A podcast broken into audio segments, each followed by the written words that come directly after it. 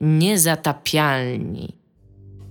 Witamy w 307 odcinku podcastu Niezatapialni, najfajniejszego podcastu po tej stronie Mississippi. E, są dzisiaj z nami Iga Ewa Smoleńska, kapitan Jack Sparrow polskiego kulturoznawstwa, która reprezentuje tylko własną opinię, nie reprezentuje w ogóle opinii firmy Techland. I jest także dr Jekyll i Mr. Hyde krytyki popkulturowej, Tomimik Gąska-Pstrągowski. Cześć. Będziemy dzisiaj rozmawiać cześć, o różnych cześć. tematach. Będziemy dzisiaj rozmawiać o różnych tematach. Y, będzie autotematycznie, ponieważ Dominik y, zacznie od y, sentymentalnej anegdoty na temat jak to się nazywa? Giant Bomb. Giant Oni mają bomb. Nie, ale Bombcast, tak? To się nazywa ich. Tak, Giant Bombcast. Tak. Giant, jeszcze się... mają ten Giant, a nie tylko Bombcast po prostu? Trochę overkill taki. Bombcast. Tak. Był Trochę. na zachodzie Giant Bombcast, na wschodzie był The Giant Beastcast. Natomiast tak naprawdę anegdota będzie dotyczyć zupełnie innego podcastu. Aha. E... tak. Czy to był Dobra, podcast więc... z GameSpotu, Dominik? Więc tak, tak będziemy... Podcast będziemy... GameSpotu nazywający się Hotspot. Będziemy dzisiaj rozmawiać e, o podcastowaniu i o naszym podcaście i o innych podcastach, więc Dominik, go. Skąd się wziął w ogóle ten temat? Ujawnij. Y zanim powiem skąd się wziął ten temat, to wprowadzę trochę zamieszania, bo e, tak zaczęliśmy, Tomek się przywitał, ja się zaśmiałem i na pewno część z was teraz się zastanawia, z czego Dominik się tak zaśmiał. Wszyscy po prostu, Dominik, ja, ja tutaj jestem na krawędzi mojego siedzenia, żeby tylko się dowiedzieć, czego chciałem, się tak Chciałem uchylić rąbkę tajemnicy, bo, bo Tomek przed chwilkę, zanim się przywitał, zastanawiał się, który to numer odcinka a że ja jestem na Chromie, którego normalnie nie używam, bo normalnie używam Safari, ale Chroma używam do Google Meets, bo lepiej działa Google Meets na Chromie, więc wpisałem niezatapialni i wpisałem go w Google, bo nie miałem auto uzupełniania i, i znalazłem mi wyszukiwarka i zobaczyłem zajawkę na naszej stronie niezatapialni, coś tam, coś tam, gry i popkultura i bardzo mnie, bardzo mnie to ucieszyło po raz kolejny. E, więc to jest wyjaśnienie mojej, mojej radości. A ucieszyło to jest... cię, ponieważ Dominik kiedyś powiedział, Iga, e, powiedział do Igi, żeby Iga zrobiła opis podcastu. A Iga się zapyta, dobra, ale co wpisać? No wpisz coś tam, coś tam gry popkultura. I Iga posłuchała. Tak? Ja jestem zbyt leniwa, żeby... Tam wiedziałam, że mam coś wpisać, ale stwierdziłam, jakby co to wykonała moją robotę. My work is done. Tak, tak. E, a anegdota mm, mi się przypomniała e, w kontekście odejścia z Giant Bomb Brada, Alexa i Winiego, tak? Dobrze mówię? Tak, Winiego... tylko że to się łączy też w ogóle z zamknięciem całego tego studia z, ze wschodu. Więc tam jeszcze mm. Abby wypada i ten jeden ziomek, który totalnie nie pamiętam nigdy no jak tak. się nazywa. Natomiast, natomiast yy, dla mnie naj, jakby najbardziej uderzający to był jednak Brad i Alex, bo Brad, Alex, Jeff i Ryan, który, który niestety zmarł parę lat temu, e, no chyba więcej niż parę nawet, e, to był taki core, taka główna drużyna, no jeszcze był wtedy e, Greg Kasavin, który teraz jest w e, Super Giant Games. E, główna taka, główna taki, główny taki rdzeń tego GameSpotu dawnego, E, i oni mieli taki podcast swój, który się Hotspot nazywał i mieli jeszcze taką serię wideo On The Spot, która leciała w czwartki o 16 ich czasu, co oznaczało dla mnie siedzenie o pierwszej w nocy. I autentycznie wtedy siedziałem o pierwszej w nocy, bo chciałem to oglądać na żywo, bo, bo tak byłem, jakby, tak mi się podobało to, co oni robili, bo, bo oni robili coś takiego, taki właśnie trochę Secret Service internetowego dziennikarstwa growego, to znaczy takie dziennikarstwo growe oparte mm, bardzo mocno na osobowościach prowadzących. Na kulcie że, redakcji. Na kulcie redakcji, że, że to nie było, że jakby ważne było, co Jeff myśli, ważne było, co Brad myśli, ważne było, jeszcze był, te, jeszcze był, jeszcze jeden typ był, ten taki z brwią. E, Wielu ludzi ma brew. Miał, miał jedną brew, czy miał może... Nie, miał taki, miał taki, taki biały pasek na brwi. Niektórzy ludzie mają coś takiego, takie przebarwienie. E, jak on się nazywa? Rich Gallup, o. Eee, on też, też gdzieś chyba w Game Devie teraz robi. E, I, i, I podcastów słuchałem i właśnie tych, tych, tych programów wideo. Jeszcze mieli super swoją serię Button Mashing. Takiego... Bardzo dobra seria.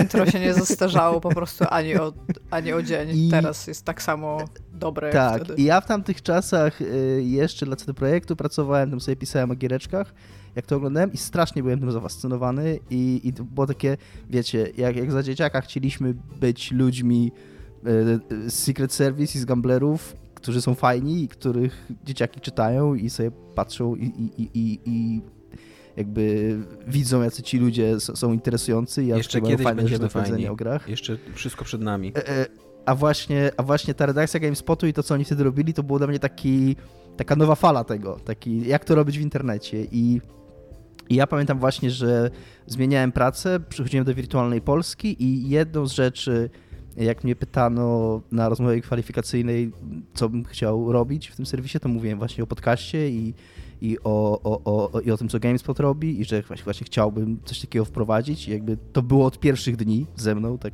mówię, od rozmowy kwalifikacyjnej, od pierwszych rozmów z moim szefem ówczesnym i, i jakoś tak się to potoczyło, że że powstał ten podcast, nazywał się Nieczyste Zagrywki i oczywiście tutaj to nie jest moja zasługa, bo powstał on również dzięki Michałowi Piłowarczykowi i Tomaszowi Pstrągowskiemu, których możecie skądinąd znać którzy również wiele swojej energii i właśnie swojej osobowości, tego co było potrzebne, bo to było piękne i cudowne, że udało nam się taką grupę.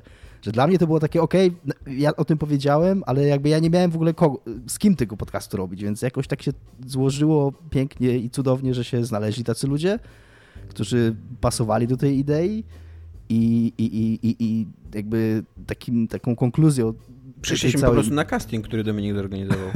Czy był casting? Całej his... Jakby był casting. Było tak, że że cały czas przychodził ktoś, kto był totalnie nie do tej Augustin roli. Egerola również był tam w tym, w komisji i Kuba Wojewódzki i Dominik e, Gąska i tak, i ja byłem bardzo zestresowany, było tam 30 tysięcy zgłoszeń w ogóle, więc duża konkurencja Nie, Tomek, to było tak jak w tych takich montażach, jak e, w tam filmach dla nastolatkach, e, dla nastolatków przebierają kogoś i to, ta osoba najpierw wychodzi do mnie w stroju klauna, potem wychodzi w jakimś tam bardzo dziwnym stroju kąpielowym, a potem wychodzi idealnie tak ubrana do tej okazji i wszyscy są jak bardzo dobrze. I tak samo, że tam wchodzi typ, który mówi, nie wiem, tylko po francusku, potem wchodzi jakiś głuchoniemy i potem wchodzi Tomasz Psangowski, Michał Piłowarczyk razem i Dominik mówi oni. Prawie jakbyś tam była, Iga. O, nie było e... Ale tak, no, no jakby konkluzją całej tej historii jest to, że jestem pewien, że gdyby nie e, GameSpot i gdyby nie ta redakcja, to, to nieczyste zagrywki by nie powstały, a przynajmniej nie tak szybko i nie w takiej formie i nie... No być może byśmy jakoś zaczęli robić podcast, być może by się to urodziło, ale, ale tak jak się losy potoczyły, tak bardzo silny związek czuję pomiędzy działalnością tych ludzi i tym, co my robimy tak naprawdę. Napisałem kiedyś maila na ten temat, o którego lali, długiego, wylewnego.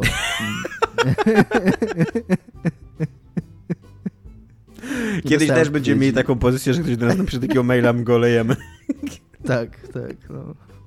Idziemy tam. Możesz im teraz napisać, możesz im teraz napisać maila i gdzie wy teraz jesteście, bo my nadal nagrywamy, kurwa. Dziwki. No. Trzeba było mi odpisać wtedy. Karma. Ja bym chciała powiedzieć, że od czasu jak ten news w ogóle wyszedł, że to się dzieje, to ja, ja dosłownie chyba z trzy dni nie mogłam spać. Jestem tak związana, kurde, z tym serwisem i jestem w stanie płacić trzy razy więcej pieniędzy, ale nie mam jak. Literalnie biorę najdroższą opcję opłaty w ogóle jakiejkolwiek, żeby, żeby mieć z tego pieniądze i ewidentnie... No ja niestety... Nie. No. Ja niestety w e, ostatnim czasie trochę mniej. E, jestem z nimi związany, ale no ale czasami tam oglądałem ich, ich quick looki szczególnie. Podcasty może mniej już, bo, bo podcastów mam, czuję dużo w swoim życiu jako uczestnik. Więc gdybyście szukali jakiegoś dobrego podcastu yy, o giereczkach, to Giant Bombcast yy, ma archiwum i do tego chyba będą nadal nagrywali, co nie? Tylko w okrojonym... No chyba nie, bo został nie? tylko Jeff. A Giant Jak? Bombcast był projektem, w sensie głównym prowadzący był brat zawsze. Hmm. mi, się wydaje, mi się wydaje, że, bo to było coś takiego, że y, oni byli z powrotem kupieni przez CBS, tak? Dobrze mówię Dominik? To, to był CBS tam jako... jako chyba. Albo nawet w ogóle już ten, ale patent jest chyba taki, że Wydaje oni się, że... Y, zmieniali, w sensie oni byli, przechodzili przez jakąś taką restrukturyzację finansową, tak, która miała... masz rację. masz rację, IGA, CBS, CBS aktualnie. Tak. I patent był taki, że oni e, mieli przechodzić przez taką restrukturyzację finansową, która miała zakończyć się w, z końcem 2020 roku, czyli w marcu tego roku tak naprawdę. I patent jest taki, że to się chyba nie wzięło znikąd, bo to nie jest też tak z tego, co widzę, że oni mają nagrane jakieś roboty, tylko wydaje mi się, że oni dostali warunki po prostu pod którymi już dalej nie chcieli pracować. No i teraz, e, jako że nie będzie Brada, nie będzie Alexa, nie będzie Winiego, no to tak naprawdę Jeff został sam. Jest, jakby myślę, że oni mogą nagrywać ten podcast jako e, Brad, tam e, Daniel Dwyer ostatnio u nich bardzo często jest jako goście, i w taki sposób to może trwać, ale jeżeli chodzi o serwis, to to w ogóle wygląda jak oni by tam zostawili dosłownie taki skeleton crew, czyli Jeffa, bo tak jak mówili przez bardzo długi czas ostatnio, troszeczkę nie wiadomo było dalej, co z tym serwisem robić. Jakby oni stanowili taki bardzo wyłom w dziennikarstwie growym i od wielu lat robili bardzo takie same rzeczy, a nikt inny nie robił takich rzeczy, więc to może po prostu się bardzo nie sprzedawało tak maksymalnie, chociaż nie wierzę w to, bo to kurde bogowie dziennikarstwa growego. Przepraszam. Nie mogę spać, w każdym razie już, już zaczęłam z tym jakoś spać. Więc jakbyście szukali jakiegoś dobrego podcastu, to y, Giant Bombcast y, w archiwum. Tak, że niezatopialnie i potem może Giant Bombcast, jak będziecie y, Tylko, a, że oni mają odcinki po 3 godziny. A jeszcze są być może ludzie, ponieważ niezatopialnych nagrywamy już kilka lat przynajmniej, mi się cały czas wydaje, że. To, właśnie, mi się, właśnie, mi się cały czas się... wydaje, że Niezatopialni to jest nasz świeży projekt. Ale mi też. I zawsze jak sprawdzam, to jest to jak.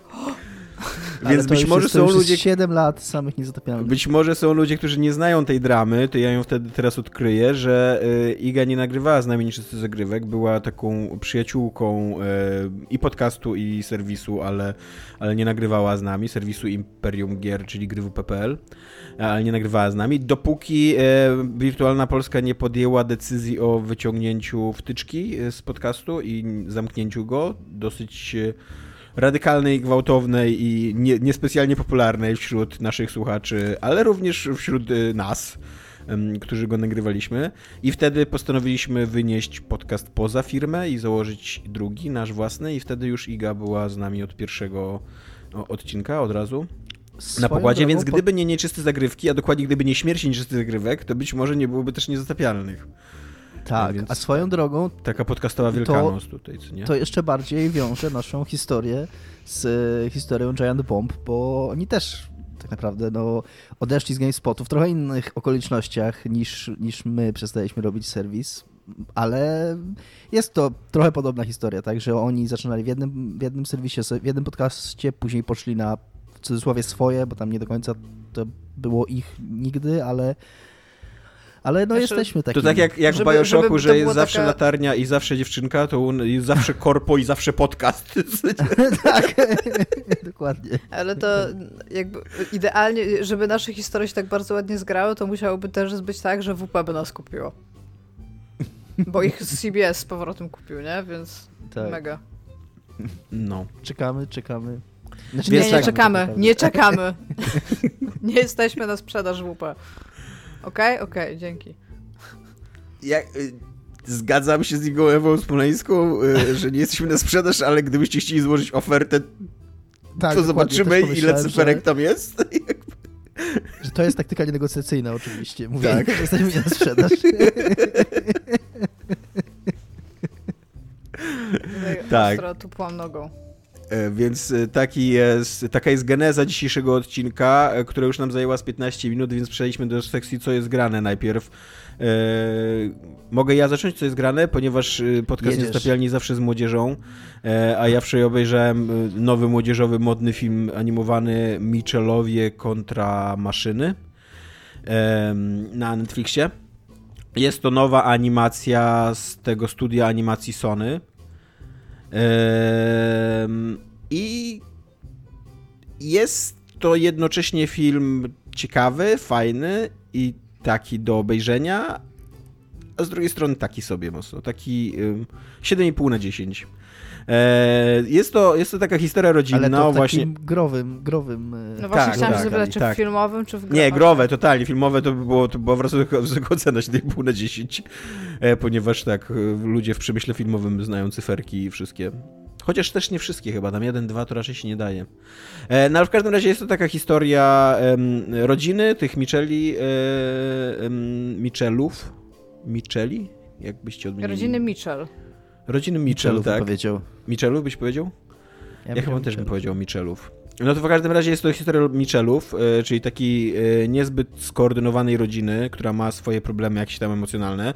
Główny konflikt jest tutaj pomiędzy nastoletnią córką, która za chwilę wyjeżdża na studia artystyczne, e, a jej ojcem, który nie ma nic wspólnego ze sztuką, tylko jest takim majsterkowiczem i kolesiem, co to lubi chodzić do lasu i tam robić różne rzeczy i zawsze nosi przy sobie śrubokręt i tak dalej. No i oni się przez całe życie nie dogadywali. Do lasu? Tak, tak, tak, centralnie tak. No zbudował swoją własną chatkę w ogóle w lesie, co nie? Więc nie zbudujesz chatki w lesie bez śrubokrętu. No, e, e, I oni się przez całe życie nie dogadywali, mają taką skomplikowaną relację bardzo, że jakby doceniają się nawzajem, ale nie dogadują się i tak dalej. E, no i w momencie, kiedy jest taka podjęta próba e, ostatniej szansy jakby ułożenia relacji między nimi, oni, ta rodzina postanawia w takiego road tripa pojechać i zawieźć tą córkę na studia, to wybucha bunt robotów e, w takiej korporacji, która dziwnie przypomina Apple. E, I tak, i wszystkie, e, wszystkie komórki się buntują i, i, jeszcze takie są tam super nowoczesne takie robociki i one przyjmują w ogóle władzę nad światem, dochodzi do apokalipsy i ci Mitchellowie są jedyną rodziną, która nie zostaje pojmana i muszą jakby um, uratować ludzkość, nie? Jest to film dosyć ciekawy wizualnie bo on ma, widać, ma czerpie z tego, co robił Spider-Man e, Into the Spider-Verse. E, czyli, że miesza takie techniki animacyjne, że czasem są rysunki takie ręczne, czasem są jakieś takie notatki, czasem są nawet zdjęcia albo jakieś takie dowcipy z YouTube'a powklejane i tak dalej, więc jest taki trochę chaos artystyczny i, i, estetyczny i to jest fajne i to super wygląda. E, I bywa on zaskakująco śmieszny. Jakby kilka razy było, były takie dowcipy, że autentycznie się zaśmiałem i że, i że, że, że coś wylądowało, ale totalnie jest to film za długi. On trwa dwie godziny. E, a to jest, to jest taka na, na maksa papka taka hollywoodzka, że tam od początku wiesz, jak tam wszystkie storyarki będą szły i jak, kiedy, na, kiedy nastąpi punkt kulminacyjny i do czego to zmierza i że dobro zwycięży i kurde, rodzina okaże się najważniejsza i tak dalej. Wszystko, jakby jesteś na to gotowy od pierwszej minuty, co nie? I zamiast on trwać tak takie standardowe hollywoodzkie 80-90 minut, który wydaje mi się, że nasze organizmy są już przygotowane na, na konsumpcję właśnie takiej, um, takiego przewidywalnego zupełnie produktu, to on trwa dwie godziny i autentycznie mniej więcej po godzinie y, zaczyna, przynajmniej ja, ja i Iwona zresztą, bo Iwona to w ogóle w pewnym momencie zaczęła się mm, sprawdzać sobie komórkę i tak dalej, bo już była rozproszona, ale ja też już czułem, że kurde, że że ten film ma jeszcze przed sobą zwrot akcji, a, a już powinien się kończyć, tak według zegarka, co nie? Więc yy, yy, i tak, i przez to, że on jest za długi, a to jest komedia, więc tam jakby co 2-3 minuty leci jakiś dowcip i przez to, że on jest za długi, trochę nie ma, nie dokonano wyboru tych dowcipów, więc było też, było tak, że się kilka razy naprawdę zaśmiałem, ale było też tak, że kilka dowcipów, znaczy, że wiele dowcipów było takich, że e, e. nie to, że byłem jakiś zażenowany, ale taki e, Eh, Czy to jest kino familijne? jest to wybitnie familijne kino. Jest to wybitnie kino. To jest najgorszy rodzaj kina. Zgodzisz się ze mną, Tomaszu, czy nie? Nie, nie, ja lubię, ja lubię czasem takie filmy, które ci mówią, że wiesz, że świat jest dobry i że ludzie się kochają i w ogóle, co nie. E, ta główna bohaterka, ta, ta, ta, nastolatka jest w ogóle tak lesbijką. O, od samego początku bardzo w ogóle um, tak właśnie progresywnie wprowadzoną w ogóle, że nikt nie robi z tego żadnej afery, ani nic takiego, tam pojawiają się tęcze, na końcu ona mówi, że ma dziewczynę i tak dalej. I to w ogóle jakby nie jest taki, wiesz, taki centrum dramaturgiczne tego filmu, co nie, tylko Bo właśnie nie przez... powinno być to zupełnie no, normalna rzecz, Tomasz. No tak, no właśnie i, i to mi się podoba. Jak tak, I uważam, cool. że, uważam, że to jest, że, że, to jest spoko podejście. Właśnie, właśnie w gatunku takiego kina familijnego, które powinno normalizować jednak e, no, normalność, że się tak wyrażę, a nie robić, a nie robić z tego dramę. I, e, i, e, i tak, więc, więc jest to film wybitnie familijny. I na końcu zgadnij, jaki jest morał tego filmu? Rodzina jest najważniejsza. Skąd wiedziałaś, Iga? Skąd wiedziałaś? To, bo myślisz... jak tylko zacząłeś o tym mówić, że oni robią ten road trip and shit, to mi się zrobiło tak cringy w środku. Ja, tak. ja nie jestem w stanie oglądać filmów familijnych. I tak, i jest... że, mamy, że mamy swoje, różni swoje wady, że musimy je zaakceptować, że najważniejsze, że się kochamy i że się wspieramy i, i, i, i, i tak dalej. I, i mówię, i jest to film e, jednocześnie udany i nie do końca udany, o tak bym powiedział. Jakby, Ale to ciekawie jak... brzmi w ogóle, jak tak o tym mówisz. To brzmi pewnie ciekawie niż ten film jest ciekawy, Tomaszu. Wydaje mi się... Czy ty chcesz wpuścić ludzi w pułapkę tak, żeby oglądali dzisiaj nie, niedzielę?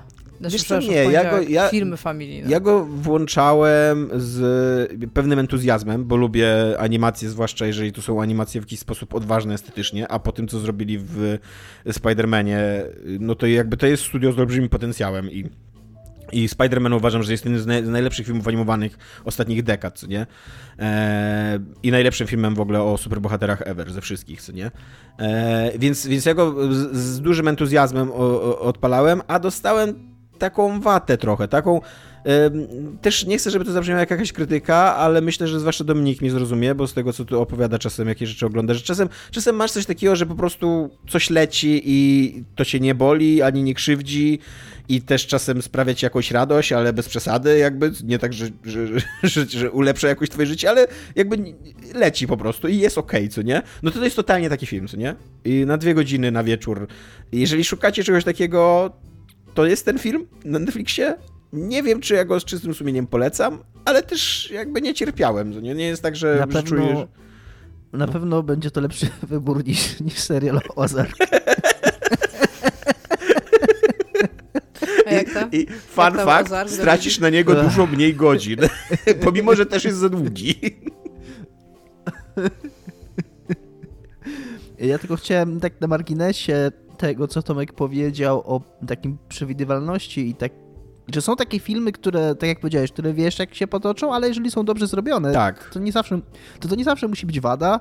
To jakby jest, jest pewien, pewien schemat fabularny, czy pewna po prostu konwencja, którą przyjmujesz i jeżeli to jest dobrze zrealizowane i, i ciekawie zagrane, to jakby nie musimy się spodziewać po każdym filmie, że będzie jakimś tam rollercoasterem zaskoczeń, ale e, miałem sobie okazję przy, ostatnio przypomnieć trzy billboardy za Bing, Missouri, który wybitnie nie jest takim filmem, który jest filmem, który jak się ogląda pierwszy raz, to totalnie nie wiadomo od pewnego momentu, w którym momencie on się potoczy, jak jego dramaturgia będzie przebiegać, o czym tak naprawdę on będzie. I, i nawet oglądając go teraz drugi czy nawet trzeci raz, y, ale w towarzystwie osoby, która widziała go pierwszy raz, to miałem dużo frajdy z tego właśnie, że, że jak również takie filmy, które bazują na zaskoczeniu, ale nie na tanim zaskoczeniu, nie na tanim plot twistie, tylko na takim opowiedzeniu historii, że myślisz sobie, okej, okay, tam jestem tutaj na siedzeniu pasażera i niech się dzieje, nie? Jakby pokażcie mi to, co, co możecie mi pokazać. Także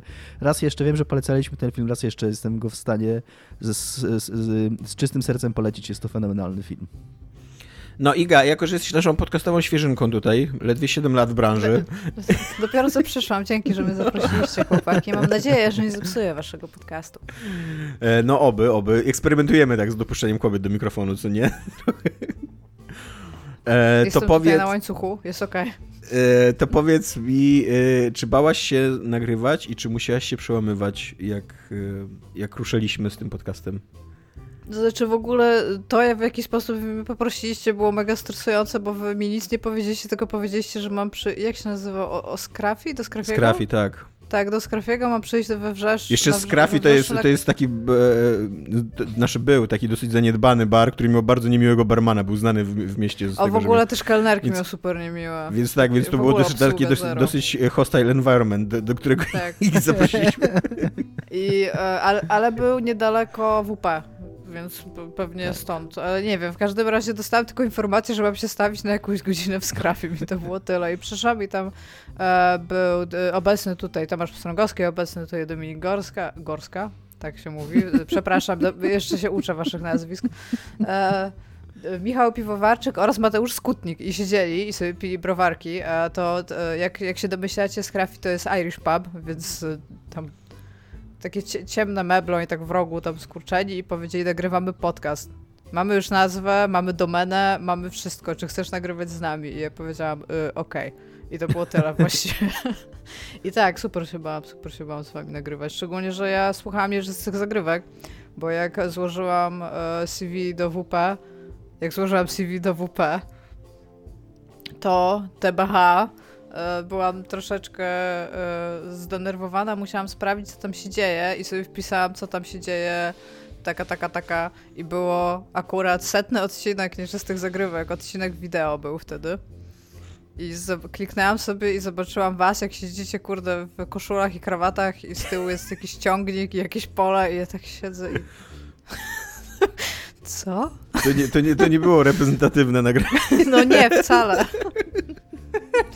I tak usiadłam i tak, co to jest? I przeklikałam, bo oczywiście, że nie słuchałam tego tam z jakimiś wypiekami, tylko tak przeklikałam i te ciągniki tam się zmieniały w tle, wy tak siedzieliście w tych koszulach i krawatach i gadaliście i tak okej, okay, to chyba tutaj może mi się uda pracować? No, więc, e, o, więc ogólnie potem właśnie y, mi było strasznie przykro, że nieczyste zagrywki zostały skasowane, a potem jak się do mnie odezwaliście, to jakby to było dla mnie super cool opcja, natomiast no wy wtedy nagrywaliście ile? 6 lat nagrywaliście te nieczyste zagrywki? Cztery chyba. Albo cztery? W każdym razie parzyste i wydaje mi się, że, pamiętam. Wydaje mi się, że cztery lata były nieczystych zagrywek, bo w mojej głowie cały czas jest tak, że łącznie nagrywamy 8, 4 lata nieczyste zagrywki, 4 lata niezlepialnych. I razem to jest 8. No tak, prosta matematyka. E, więc ten, więc e, no ja, ja, się po prostu bałam, że ja przyjdę i nie mając jakiegokolwiek doświadczenia dyscypliny mikrofonowej i tego w jaki sposób, pomimo tego, że was znałam, no to dużo inaczej się rozmawia, przynajmniej na samym początku.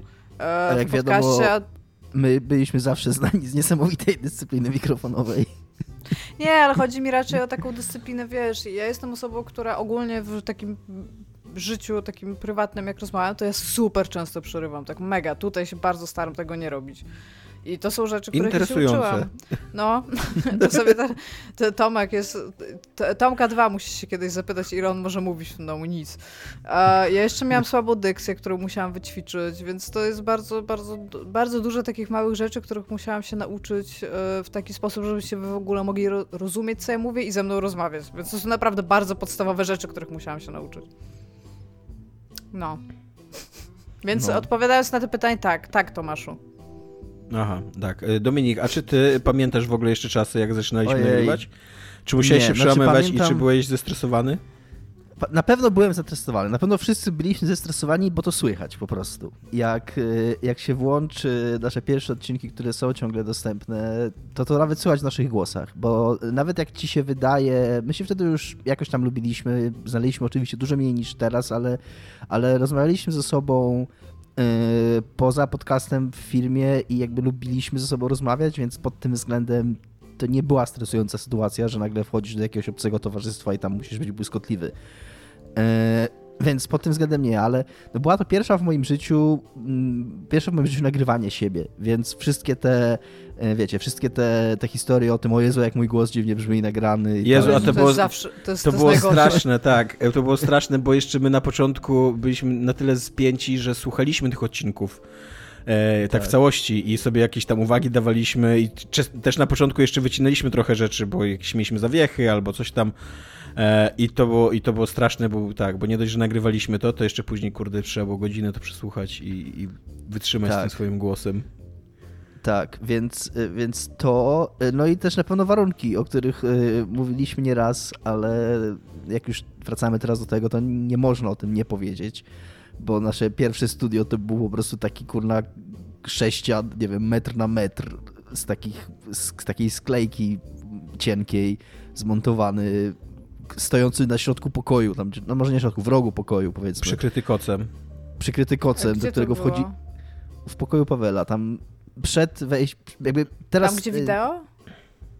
Nie, to Tam, było w ogóle, to było jeszcze w ogóle w innym budynku, bo Wirtualna Polska tak, miała tak, tak. jeszcze piętro w akademiku wtedy wynajmowała.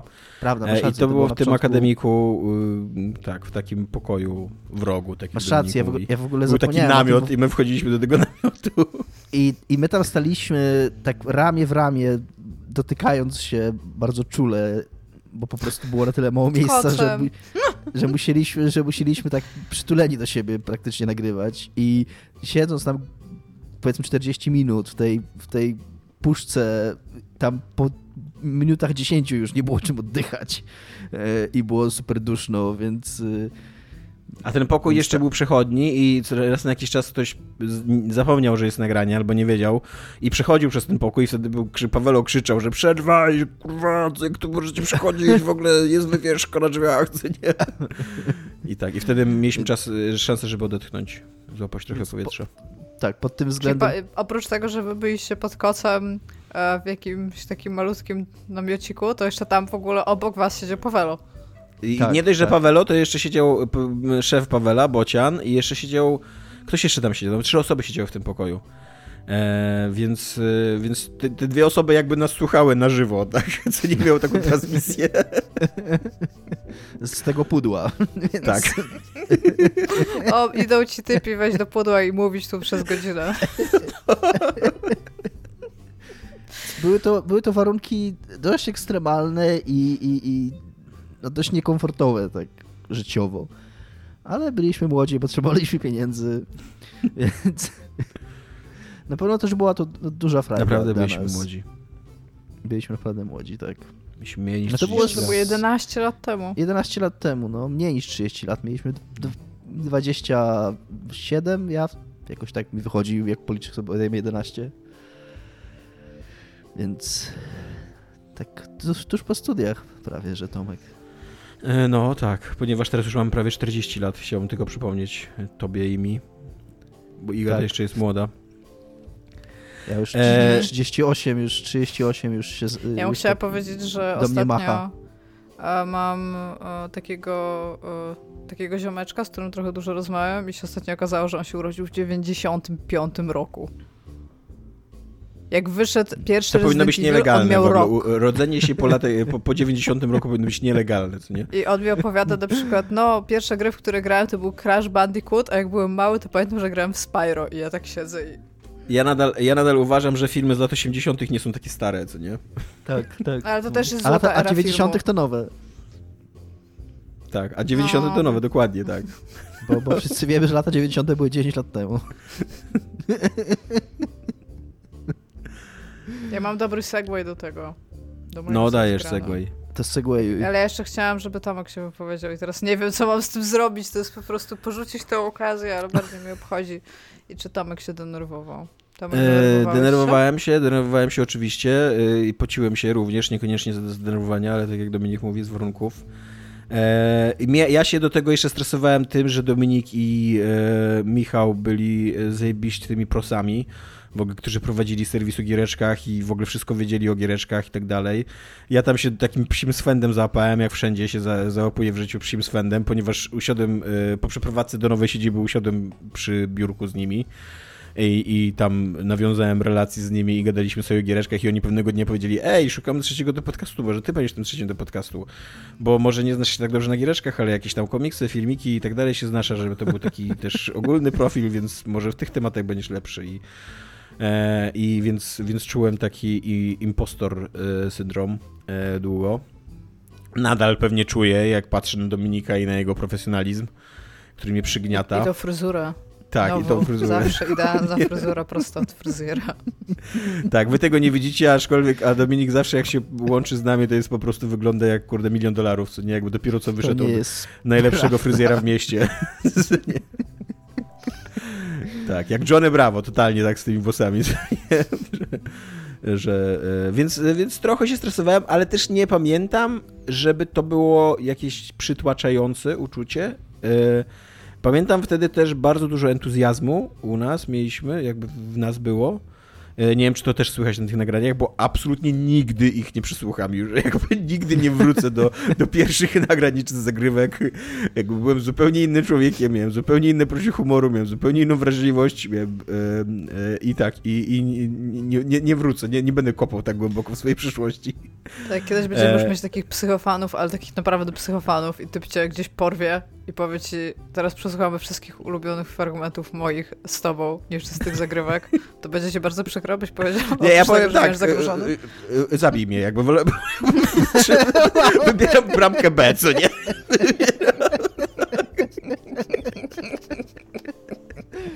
Jakby ja chciałbym zwrócić uwagę wszystkim naszym słuchaczom, nie róbcie tego w domu.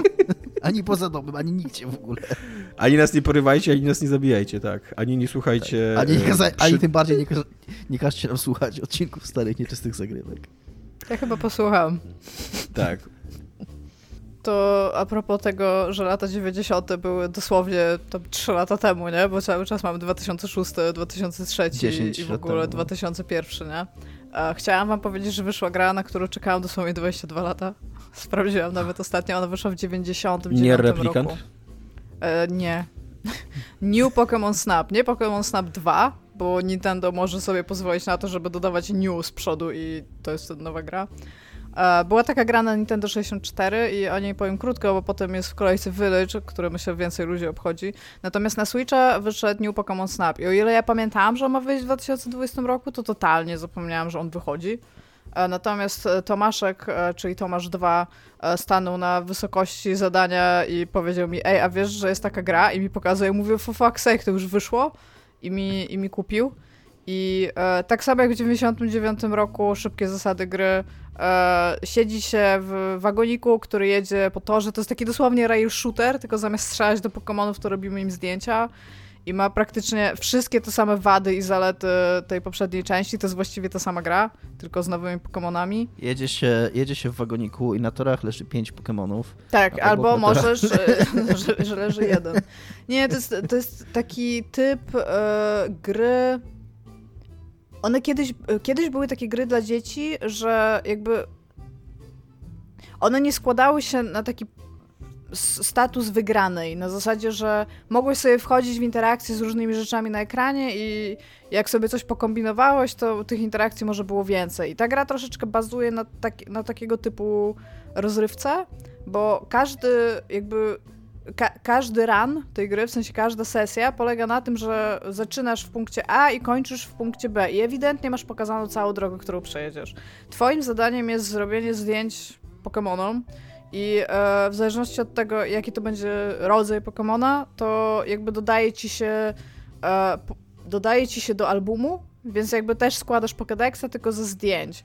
I w jakiś sposób w ogóle te aparaty są jakieś mega super, te pokera, poke, raty są jakieś mega super i są w stanie analizować te Pokémony w trakcie tego, kiedy robisz im zdjęcia, e, co jest w ogóle bar bardzo fajne i naprawdę Nintendo nigdy nie przestawaj. Po raz kolejny e, ten protagonista, główny bohater, w którego się wcielamy jest niemy, więc nie wiem, jak to powiedzieć, żeby było politycznie poprawnie, ale powiedzmy, że nie wygląda za mądrze, bo ma bardzo mocną ekspresję twarzy za każdym razem, kiedy dodaje nową rzecz. Jak mu dają ten aparat, to w ogóle wygląda jakby w życiu nie widział nic tak super, nie? Tak... No dobrze, że go nie liże jeszcze, to, to, to, to by było bardzo jakby pod to, co tam się dzieje. W każdym razie e, dzieje się, tam, tam tych, jest kilka regionów, tak naprawdę to są takie scenki, które się ogląda trójwymiarowe, e, gdzie można obracać kamerą i robić zdjęcia, no i w zależności od tego, ile masz punktów, bo za te zdjęcia otrzymujesz punkty w zależności od tego, jak one są wycentrowane, czy tam, czy Pokémon jest dostatecznie duży, czy są tam też inne Pokémony, czy poza, którą ma ten Pokémon jest taka, a nie inna. Oczywiście to jest algorytm, więc jesteś w stanie zrobić super fajne, artystyczne zdjęcie i typ ci powie, że to jest gówno, ale jak potem mu dasz zdjęcie, gdzie ten Pokémon jest odwrócony i praktycznie tylko tyłek mu widać, ale jest... E, wycentrowany w kadrze, to dostajesz za niego więcej. Czy naprawdę jesteś w stanie zrobić artystyczne zdjęcie Pokémonowi? No, mam kilka takich, że aż stwierdziłam, o, wgram sobie do mojej Nintendo Online. Że jakaś galerie się no, nimi zainteresowały, cares. tak? Co, jeszcze raz? że galerie się nimi zainteresowały tymi twoimi zdjęciami. Tak, tak. National Pokographic do mnie zadzwonił, żeby je na rozkładówce i okładce wsadzić. No jest to, jest to coś, przy czym na pewno spędzę dużo czasu i jakby mniej więcej tyle, tak samo mnie absorbuje jak wtedy, kiedy grałam w to na Nintendo 64 E, z tą różnicą, że na Nintendo 64 miałam ją po niemiecku, więc nie było profesora Ołka, tylko był profesor Oś, który jak włączałam grę, to mówił willkommen zurück. I było super. A nie wiem, czy wiecie, Pokémony po niemiecku nazywają się inaczej niż e, te, które są nazwane po angielsku oficjalnie. E, więc tam, nie wiem, na przykład Magikarp to jest Carpador. Widzę, że w twoim dojrzewaniu język niemiecki też odegrał ważną rolę. Ogólnie tak. Znaczy, to, to jest też fakt, bo mój dziadek był tłumaczem z języka niemieckiego, więc jak byłam mała, to się uczyłam pisać gotykiem na przykład. Nie? Ale tak.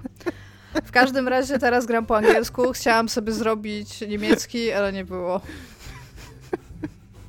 No. A co? Y, już? Już, Dominik? Czy jeszcze, jeszcze chwilkę? Dobrze. Just Dominic Things 2. Nie, śmieję się z, z, subtelnego, z subtelnego żartu Domka. Tak, ja starałam się go zignorować, ale już nie mogę, prawda? Dobra, Iga, Resident Evil Village. Tak, wyszedł Resident chyba... Evil Village w piątek. Jest teraz niedziela. Y, jestem jakby myślę, że jestem w trzech czwartych tej gry. Nie jest tak, że nie wiadomo jak tam siedziałam i grałam. Popro gram na tyle, żeby sprawiało mi to przyjemność i żeby nie dociskać, że tak powiem, jeszcze godzina, żeby szybciej skończyć. Natomiast dzisiaj ją skończę i jakby nie, nie ma innego sposobu. Po, po prostu po podcaście chcę w nią dalej grać, więc po prostu usiądę i ją skończę. A ta gra ma taki sam patent jak. E, wydaje mi się, że w siódemce też tak było, ale w ogóle survival horrory, kiedy cię rozliczają z czasu, jaki grasz, to one nie liczą bardzo wiele elementów gry, czyli nie patrzą tak jak na Steam, ile gra jest włączona, tylko jak sobie save'ujesz, to na przykład ja tam no już długo w nią gram, a tam mam chyba 7 godzin na save'ie, nie? Tylko, że on ci chyba nie liczy jak jesteś na mapie, czy tam w pause menu, czy tam jakieś takie rzeczy, tylko realnie czas gry ci liczy. A jako, że to jest Resident Evil, to na mapie czasami się trochę siedzi.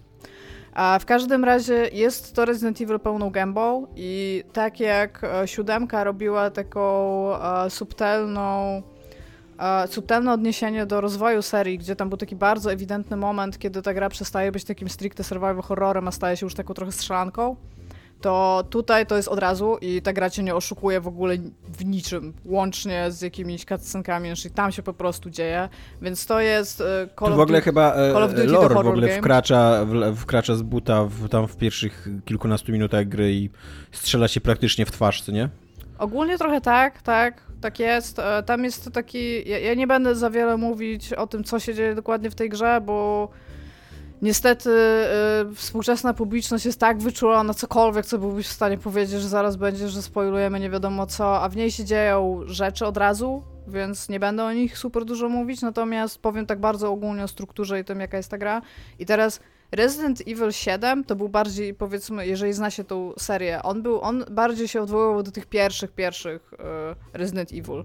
Czyli e, miałeś zamknięte pomieszczenie, chodziłeś jakby z miejsca do miejsca, żeby robić zagadki, co ci otwierało nowe miejsca i to jest jedynka, dwójka, trójka. Czwórka, e, czwórka już była tą bardziej grą akcji, nie? Tam się biegało i dużo, dużo, dużo się strzelało. Kamera tam się zmieniła, taka super była dużo tego, Super dużo tego było też w tym remake'u dwójki, co jest no, dosyć oczywiste, skoro jest remake'iem dwójki. Też tak, ale jakby... Bardzo dużo tam było tego. Tak, ale jakby dwójka wciąż jest mniej action niż to, co było w czwórce i w ósemce, nie? Tak, tak, e, tak. Nie, no właśnie, nie mówię, ja, przepraszam, ja mówię właśnie, że w dwójce było bardzo dużo tego rozwiązywania zagadek. A tak, e, tak, no i właśnie i dwójka ma taki rytm, który, który miały te stare Resident Evil.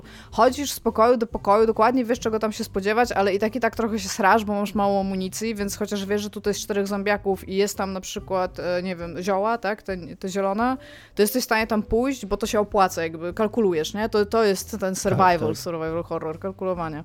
To tutaj automatycznie, to jest akurat dobre moim zdaniem, że automatycznie dostajesz broń i tam pociski and shit i musisz realnie od razu po prostu cię wrzucają i weź, weź tutaj morduj, nie? Strzelaj do tego, co się rusza i to będzie spoko.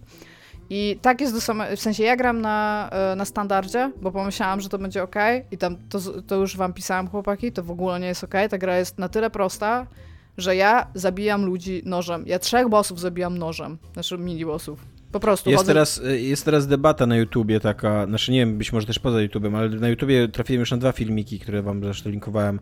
Właśnie taka nawołująca do tego, żeby grać na hardkorze y, w Resident Evil 8 E, tylko w obu tych filmikach było ostrzeżenie przed pierwszym taką, pierwszą hordą przeciwników, tak. która na tym hard, hardkorze jest ekstremalnie trudna i że później podobno gra się uspokaja, jakby tylko trzeba w jakiś sposób przejść tą pierwszą hordę. Znaczy tej pierwszej, bo to, to, to, też jest takie trochę w cudzysłowie przejść pierwszą hordę. Ogólnie tak, jest taki jeden moment na samym początku, który od razu ci mówi graczu, baczność, tak będziemy grać, nie?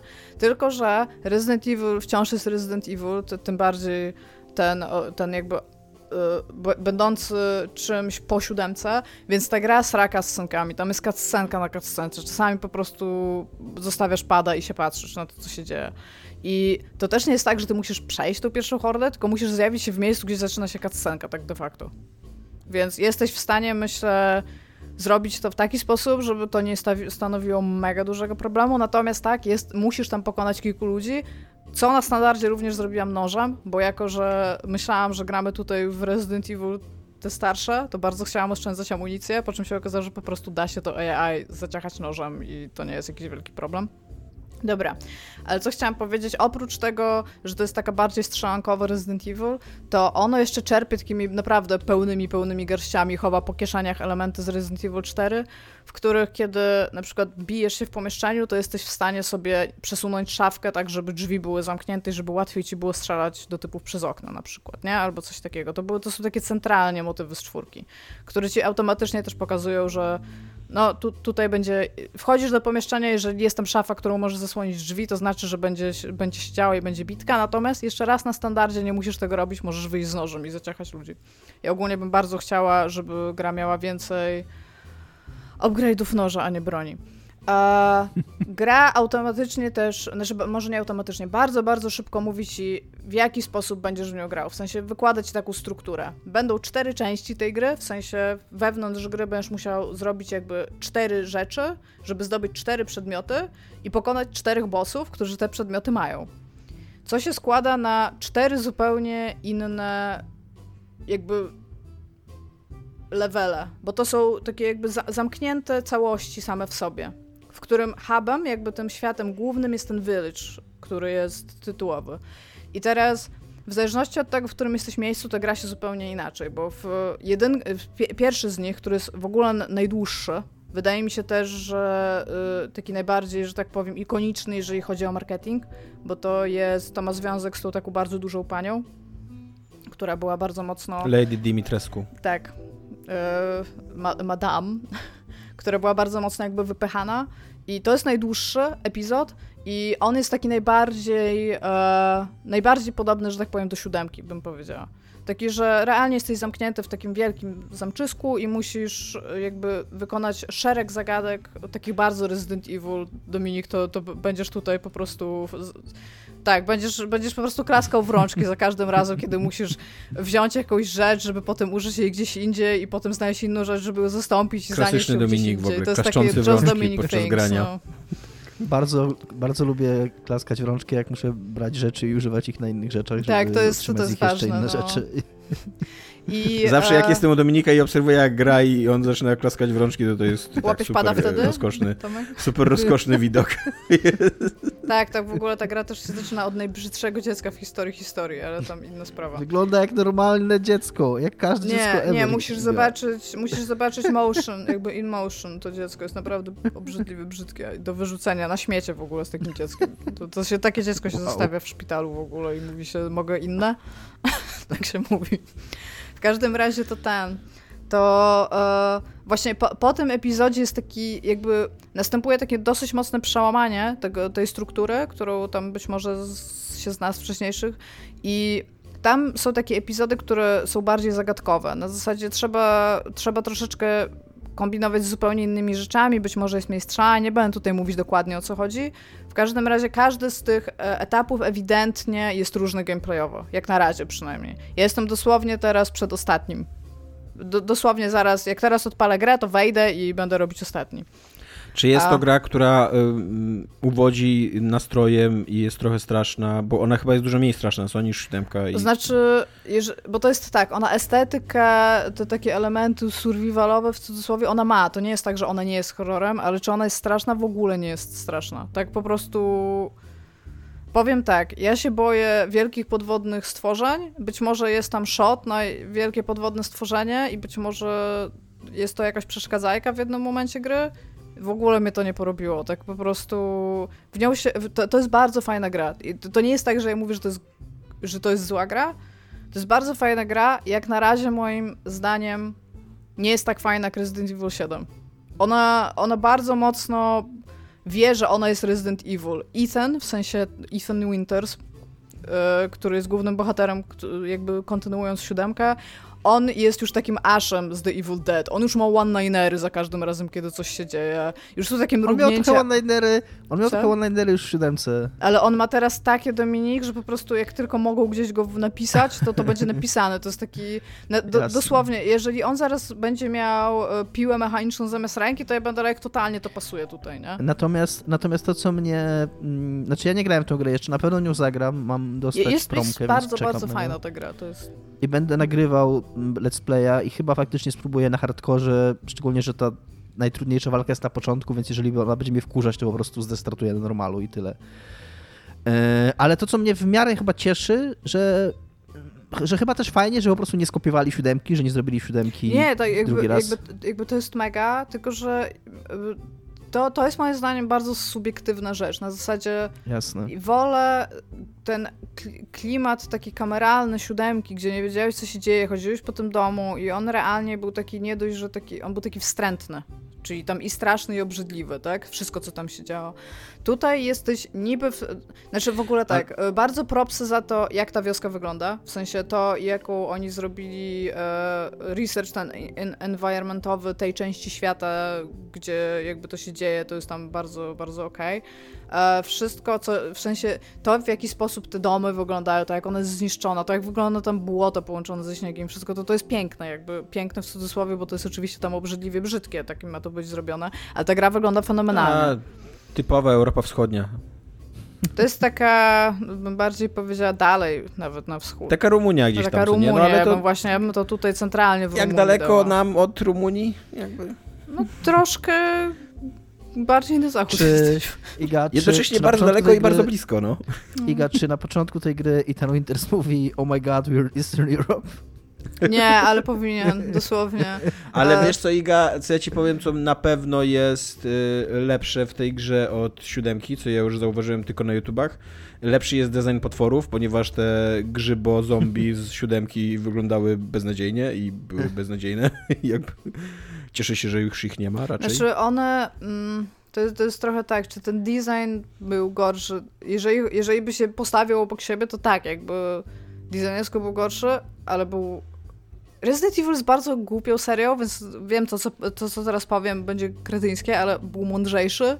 jakby byłam w stanie jakby bardziej uwierzyć w moldedów niż to, co się dzieje tutaj. I jakby też don't get me wrong, Tomek, ale tych typów, okej, okay, oni wyglądają lepiej, ale ich jest trzech. W sensie są, są różne ich rodzaje, ale z każdego tego rodzaju jest albo jeden do trzech typów, jakby, więc zdarzają się sytuacje, że jak jest na przykład ta horda, o której mówiliśmy, ona jest bardzo na samym początku, to tam jest to jak trzech typów razy sześć, powiedzmy, w sensie stoi tam Józek i stoi Józek 2 obok niego, nie? I teraz, i teraz cię będą bić. E, bo to jeszcze koszmar kazirodztwa jest, jest. Tutaj jest w cudzysłowie jakby, nie? Wow. Tu jest, tu jest fishing minigame, ale takie bardzo na Resident Evil. W pewnym momencie musisz zbierać żarcie, w sensie różnego rodzaju mięsa i, i realnie biegasz za kurami z nożem, no bo po co marnować amunicję, więc te kury uciekają i ty, i ty je ciachasz nożem, potem idziesz i łowisz ryby nożem. Jest, jest, y, jest bardzo głupia, ale w taki super, super sposób. Jakby bardzo się cieszę, y, myśląc o tym, co się dzieje w ogóle z tą serią. I to, w jaki sposób oni są zarówno w stanie zrobić bardzo dobre gry, bo to wciąż jest bardzo dobra gra po prostu, ale też jakby y, nie jest im wstyd za to, jak głupie jest Resident Evil, jakby idą w to totalnie w tą ósemką. Ja to totalnie szanuję, jakby tak, ja tak, nie jestem wielkim, wielkim autorytetem od Resident Evil, ale y, ja pisałem do Dominika takie y, tak. pełne entuzjazmu y, SMS-y, że jak w siódemce, która od początku jest głupią grą, ale jest, z początku jest mało Resident, Evil, Resident Evilową grą, ale jest taki moment, kiedy tam lore wchodzi na grubo, po prostu prostu na pełnej K i ja byłem taki, o, jest super w ogóle. Ja, tak, no, to, ja, ja miałem dokładnie, jak miałem dokładnie to samo, tak, że właśnie ta, to jest, to jest ujmujące, właśnie ta ich taka, y, nie przepraszamy za nic. Tak, no tak, taka jest po prostu seria. w to bardziej jakby, nie? I tutaj też w ogóle, jeżeli chodzi o jakby tempo ekspozycji tego, co się dzieje, to tu jest dosyć podobnie jak w siódemce, czyli jakby ty wiesz, że ty grasz w Resident Evil, ale gdzie to ma jakiekolwiek powiązanie z czymkolwiek, to się rozwija i też jest taki jeden moment, kiedy to wszystkie puzzle wpadają po prostu w jedno i siedzisz i this is it, nie? To jesteśmy, kurde. A jeszcze co jest, co jest po prostu czymś, co ja uważam za takie Resident Evil i jeszcze taka kropka i dwa razy podkreślanie. Jak miałeś preorder, ja nie miałam preordera, bo jestem, mam, mam godność i miłość człowieka w sercu, to dostajesz zawieszkę na broń. I to jest e, ten taki shop z Raccoon City. On chyba w dwójce był jako taki do, do strzelania do niego. Dominik, ty, ty jesteś większym fanem dwójki, więc... Nie wiem, czy no taki, tam był. To jest taki bubble, e, no taki Raccoon no City taki. Police coś tam tak, jakby, tak, nie? Tak, no, tak, no, tak, i, tak. E, i to jest taki bubblehead mniej więcej tej wielkości i on ci zwisa z broni i tego nie możesz ściągnąć i to jest już po prostu tak głupie. Ziomek mi wysyła screena i ja się na to patrzę i mówię, co to jest? Ja, ja mówię, to jest... To zostałem z prioriterem. Wnerwia mnie po prostu do stop, ale jest, nie? Więc Ethan chodzi z shotgunem, na którym ma zawieszonego shopa z Raccoon City, w którym nigdy nie był, mind you. I po prostu, no, nie, no jest, jest, jest mega. A, i tak swoją drogą, to dialogi są głupie, dialogi są po prostu mega głupie i są tym bardziej fantastyczne. No i e, wszystkie rzeczy, które tam robisz, są tak super gamey, takie naprawdę po prostu żadnego e, tam nie wiem, wytłumaczenia po prostu poza. Po prostu musisz to zrobić, bo to jest granie. Czemu musisz zabić, nie wiem, trzy razy coś? E, no dlatego, że to jest gra. Po, po prostu lecimy, nie? I jakby, to też było super w siódemce, jak e, jest sobie taka plantacja na południu Ameryki, w której wcześniej mieszkali normalni ludzie. To było, jest bardzo silnie powiedziane, że to była normalna rodzina i oni mają takie jakieś antyczne drzwi wejściowe, do których musisz mieć trzy głowy psów, żeby je otworzyć. Tak, ale masz przecież jeszcze listy od firmy, która robi im te wszystkie dziwne drzwi i to, i, i to jest centralnie firma specjalizująca się od robienia tych drzwi i ich najnowszym tak. hitem są drzwi uruchamiane cieniem i siedzisz i pewnie. Właśnie o to mi chodzi, on jest taki głupi, ale w taki super, super sposób, z takim zupełnym dystansem do tego i powiedzeniem ci, dobra, wiesz co, totalnie w to idziemy, nie? To, to... Co jest w ogóle, e, e, jeszcze a propos tych cieni też w siódemce, to jest w ogóle, w ogóle to jest rozbudowany taki wątek, bo w pewnym momencie, jak ty tam rozwiązujesz tą zagadkę z tym cieniem, zanim jeszcze wiesz, kto zbudował te zagadki z cieniem, to Itan tak się pyta, who built this shit? I centralnie to wypowiedziane przez Itana pytanie e, później dostaje odpowiedź. oto, oto ten człowiek to wybudował. Człowiek i synowie, rachunek, on ma tam kurwa. Jakąś, ten, coś tam, nazwisko and sons. Tam, I tam jest faktura centralnie tak, tak wystawiona. Tak, I, I, co więcej, chciałam powiedzieć, że nie, nie, wiem, czy pamiętacie, w Resident Evil był taki sklepikarz, taki, który tak otwierał e, prochowiec i mówił What are you buying? What are you selling? I tak, No to e, jest powrót takiej postaci, to nie jest ta postać, ale jest centralnie bardzo popularnie to ważny widziałem. Sklepikarz. To widziałem, bo y, mogę polecić, y, y, tutaj pieniążki od Google muszą popłynąć, ding, ding, ding. Jest demo również na Stadii które mm, uruchomiłem na stadii po prostu, bo był jakiś wieczór, chyba w zeszły weekend, byli goście u mnie, oni sobie poszli i była 23 czy 24 i, i po prostu włączyłem a nie, to chyba było w tygodniu, no nieważne.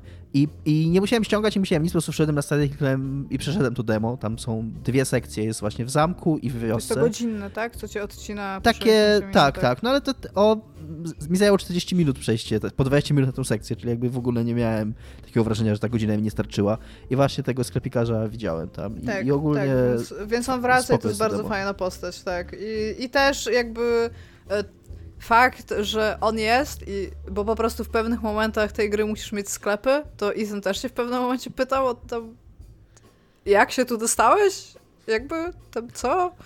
I potem to już po prostu nawet się nie zastanawiasz. Jakby oni, oni dosłownie odpowiadają na te wszystkie pytania i dosłownie każda ta odpowiedź to by było tak naprawdę because it's a fucking video game. That's why.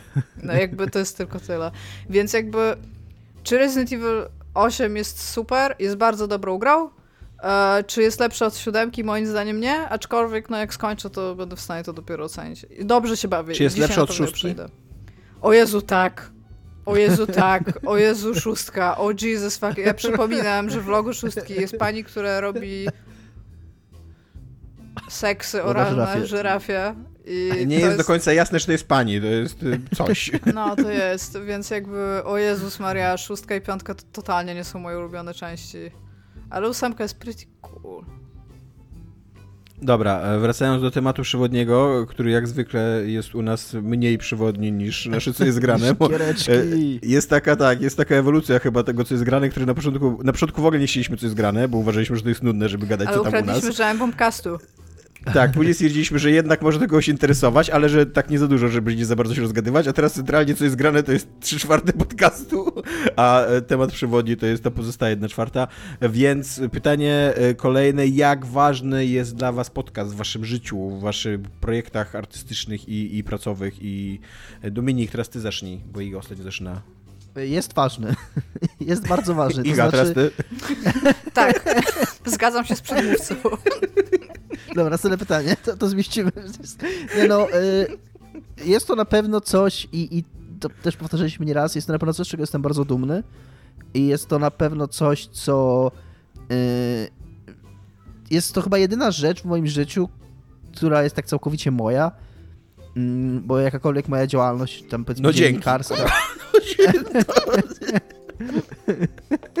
Ale w tym sensie Dominik nie, że Gąska moja. Dominik Gąska z Niezasypialni.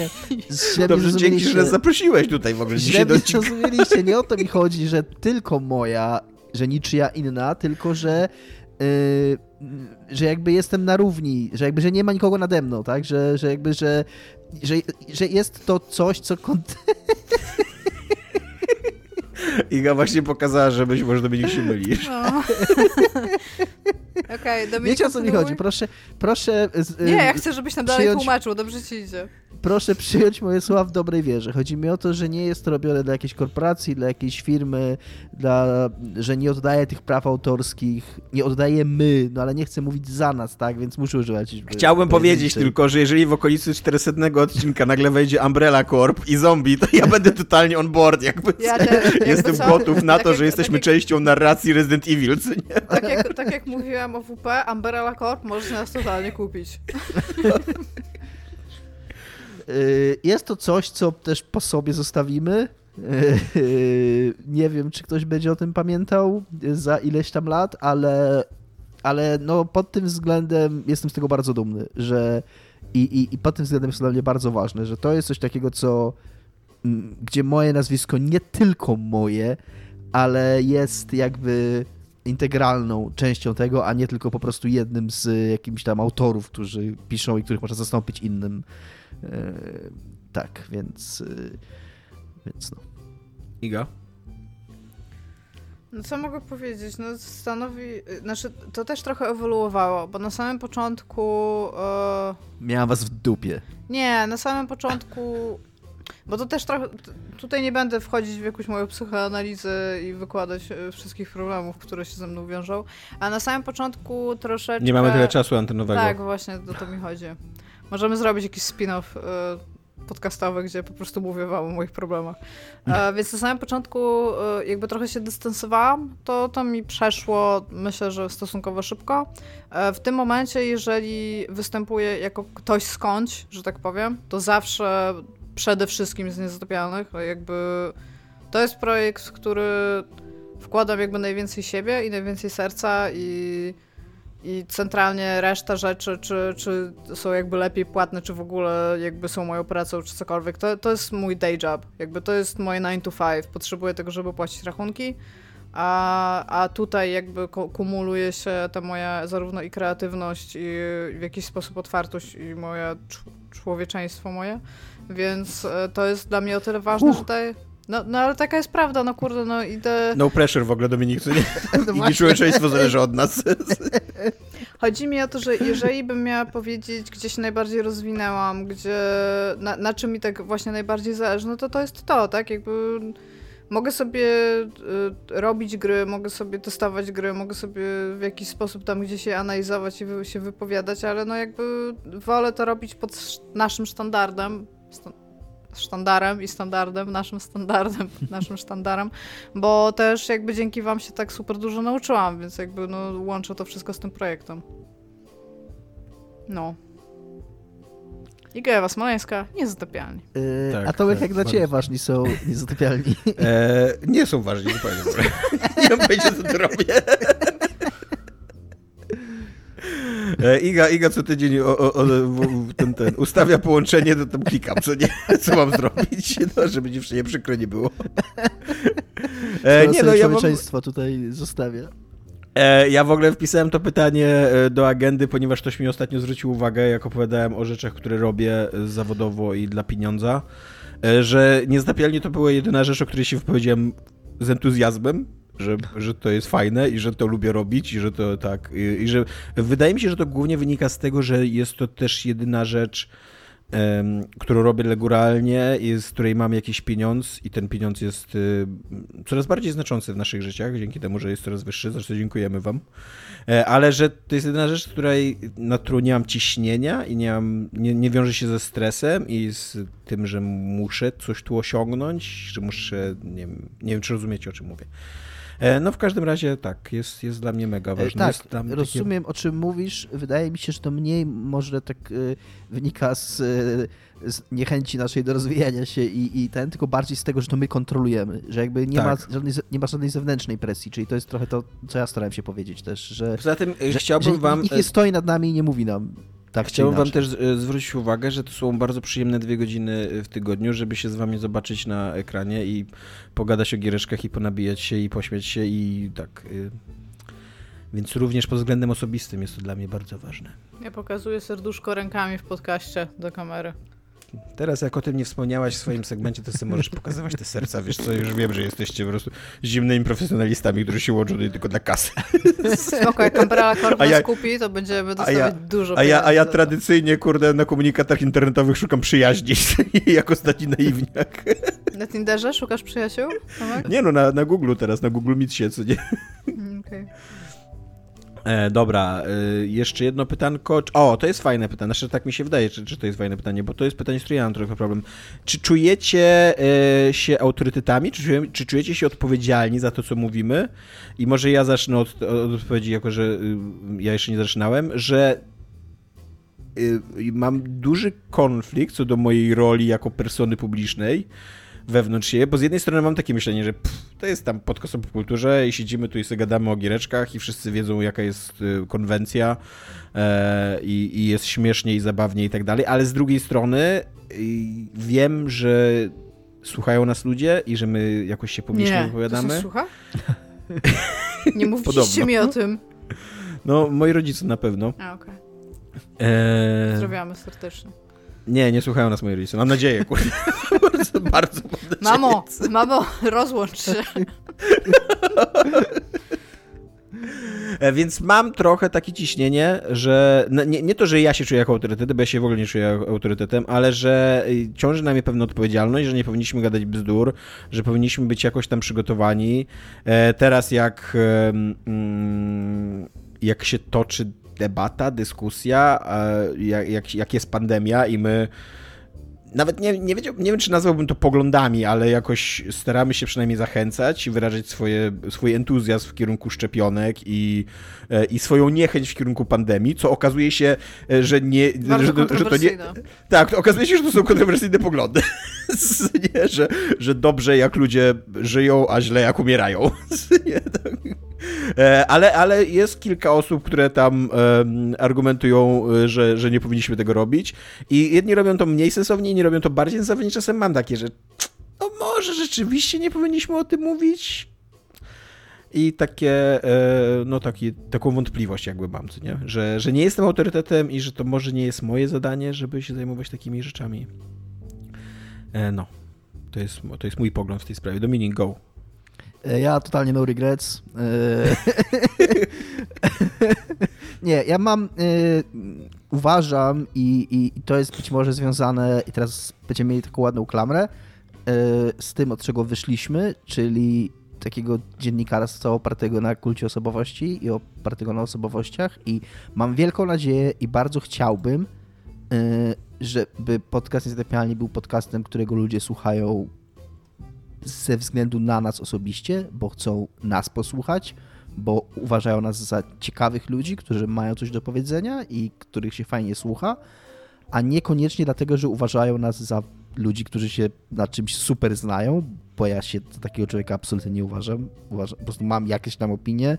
Uważam, że fajnie się nam, że mamy na tyle dopasowane do siebie wrażliwości i, jakąś, tam, jakąś tam dynamikę rozmowy, że, że to się po prostu skleja w ciekawą wymianę zdań która bardziej, mam nadzieję, kogoś skłoni do zgłębienia jakiegoś tematu samego, samemu, albo do zainteresowania się czymś, albo do sprawdzenia czegoś, a mniej jakby ktoś się poczuje, że nagle jakaś wiedza na niego spłynęła. Czyli wyrzekasz się wszelkich odpowiedzialności. Y, uważam, tak. Dokładnie. Basically tak. Nie, no... Mm, mam nadzieję, że nie, że nie powinniśmy robić takiego disclaimera, że wszystkie tak naprawdę opinie w tym podcaście są naszymi prywatnymi opiniami i są po prostu. Yy, nie jest to wykład naukowy, nie jest to żadna publikacja redagowana w jakimkolwiek sposób. My po prostu siedzimy tu i sobie rozmawiamy i jak to zwykle w rozmowie każdemu się zdarza palnąć coś głupiego, każdemu się zdarza powiedzieć coś nieprzemyślanego. Czasami się z tego wycofamy, jak sobie przypomnimy, czasami się nie wycofamy, ale to też nie znaczy, że jeżeli się nie wycofaliśmy oficjalnie, to jakby podpisujemy się pod tym od teraz do końca świata. Yy, niestety internet i to nie zbyt za tym przepadam, że w internecie jest taka tendencja do pamiętania czegoś, co powiesz lub napiszesz po czasy yy, każdego, każdej literki, I jeszcze jest, zdania. jest taka tendencja do tego, że jeżeli raz się pomyliłeś i raz się wycofałeś z jakiegoś poglądu, to już nigdy nie masz racji, to już, to już przegrałeś w ogóle całej linii, co nie? Tak, i, i wszystkich, wszystkich swoich poglądów przez całe życie musisz chronić tak. do, uchrany, do, do, do, do śmierci, tak, obronić, nie? Tak, więc, więc mówię, no ja mam nadzieję, że, że te nasze dyskusje są wartościowe jako kontent rozrywkowy, o, tak bym jeszcze powiedział. Patrzę na nas raczej jako na podcast rozrywkowy niż informacyjny. Że, Więc że macie... dla czystej rozrywki idźcie się zaszczepcie. Fun. Just for fun. Dzisiaj to na szczepienie i będzie super. Ja jutro będzie idę fun. i też będzie super. Jutro już drugą dawkę dostaję, to będzie w ogóle no, mega Tomek super. zawsze przed trzy kroki przede mną. Iga, a czy ty czujesz się autorytetem? A, ja się nigdy w niczym na żaden temat nie czułam autorytetem ogólnie. A, ale to, czy ja się czuję autorytetem, jakby tutaj nie ma nic do. Nie ma żadnego znaczenia, bo to ludzie inni czynią z innych ludzi autorytety. Czy jesteśmy autorytetami w dziedzinach, w których e, jakby, w których nie pracujemy, nie studiowaliśmy ich, nie, nie jesteśmy, nie jesteśmy autorytetami medycznymi, nie jesteśmy naj, najpewniej autorytetami astronomicznymi również, albo gastronomicznymi, pewnie też nie jesteśmy, ale możemy wam powiedzieć, co nam smakuje, albo że, nie wiem, lubimy jakąś planetę, myślę, że z tym nie ma nic, żadnego problemu. A tak jak e, to, to, już mówił Tomek wcześniej, nie prezentujemy jakichś szalenie kontrowersyjnych opinii w bardzo różnych tematach, raczej. Znaczy to zależy, to zależy tutaj... z której strony patrzysz na te nasze opinie. Jakby, jakby, jakby tak, ale chodzi o to, że wiesz, my nie jesteśmy tutaj jakimiś y, przodownikami, kurde, awangardu czegoś i. E, raczej mówimy na tematy takie, które już są w jakiś sposób normalizujące się, powiedzmy, w kulturze. I jakby okej, okay, ja rozumiem, że nie każdy się jest w stanie zgodzić z niektórymi rzeczami, być może, znaczy rozumiem, że tak jest, jakby, czy, czy rozumiem tego człowieka? Nie, ktoś go pewnie bardzo skrzywdził kiedyś, nie wiem.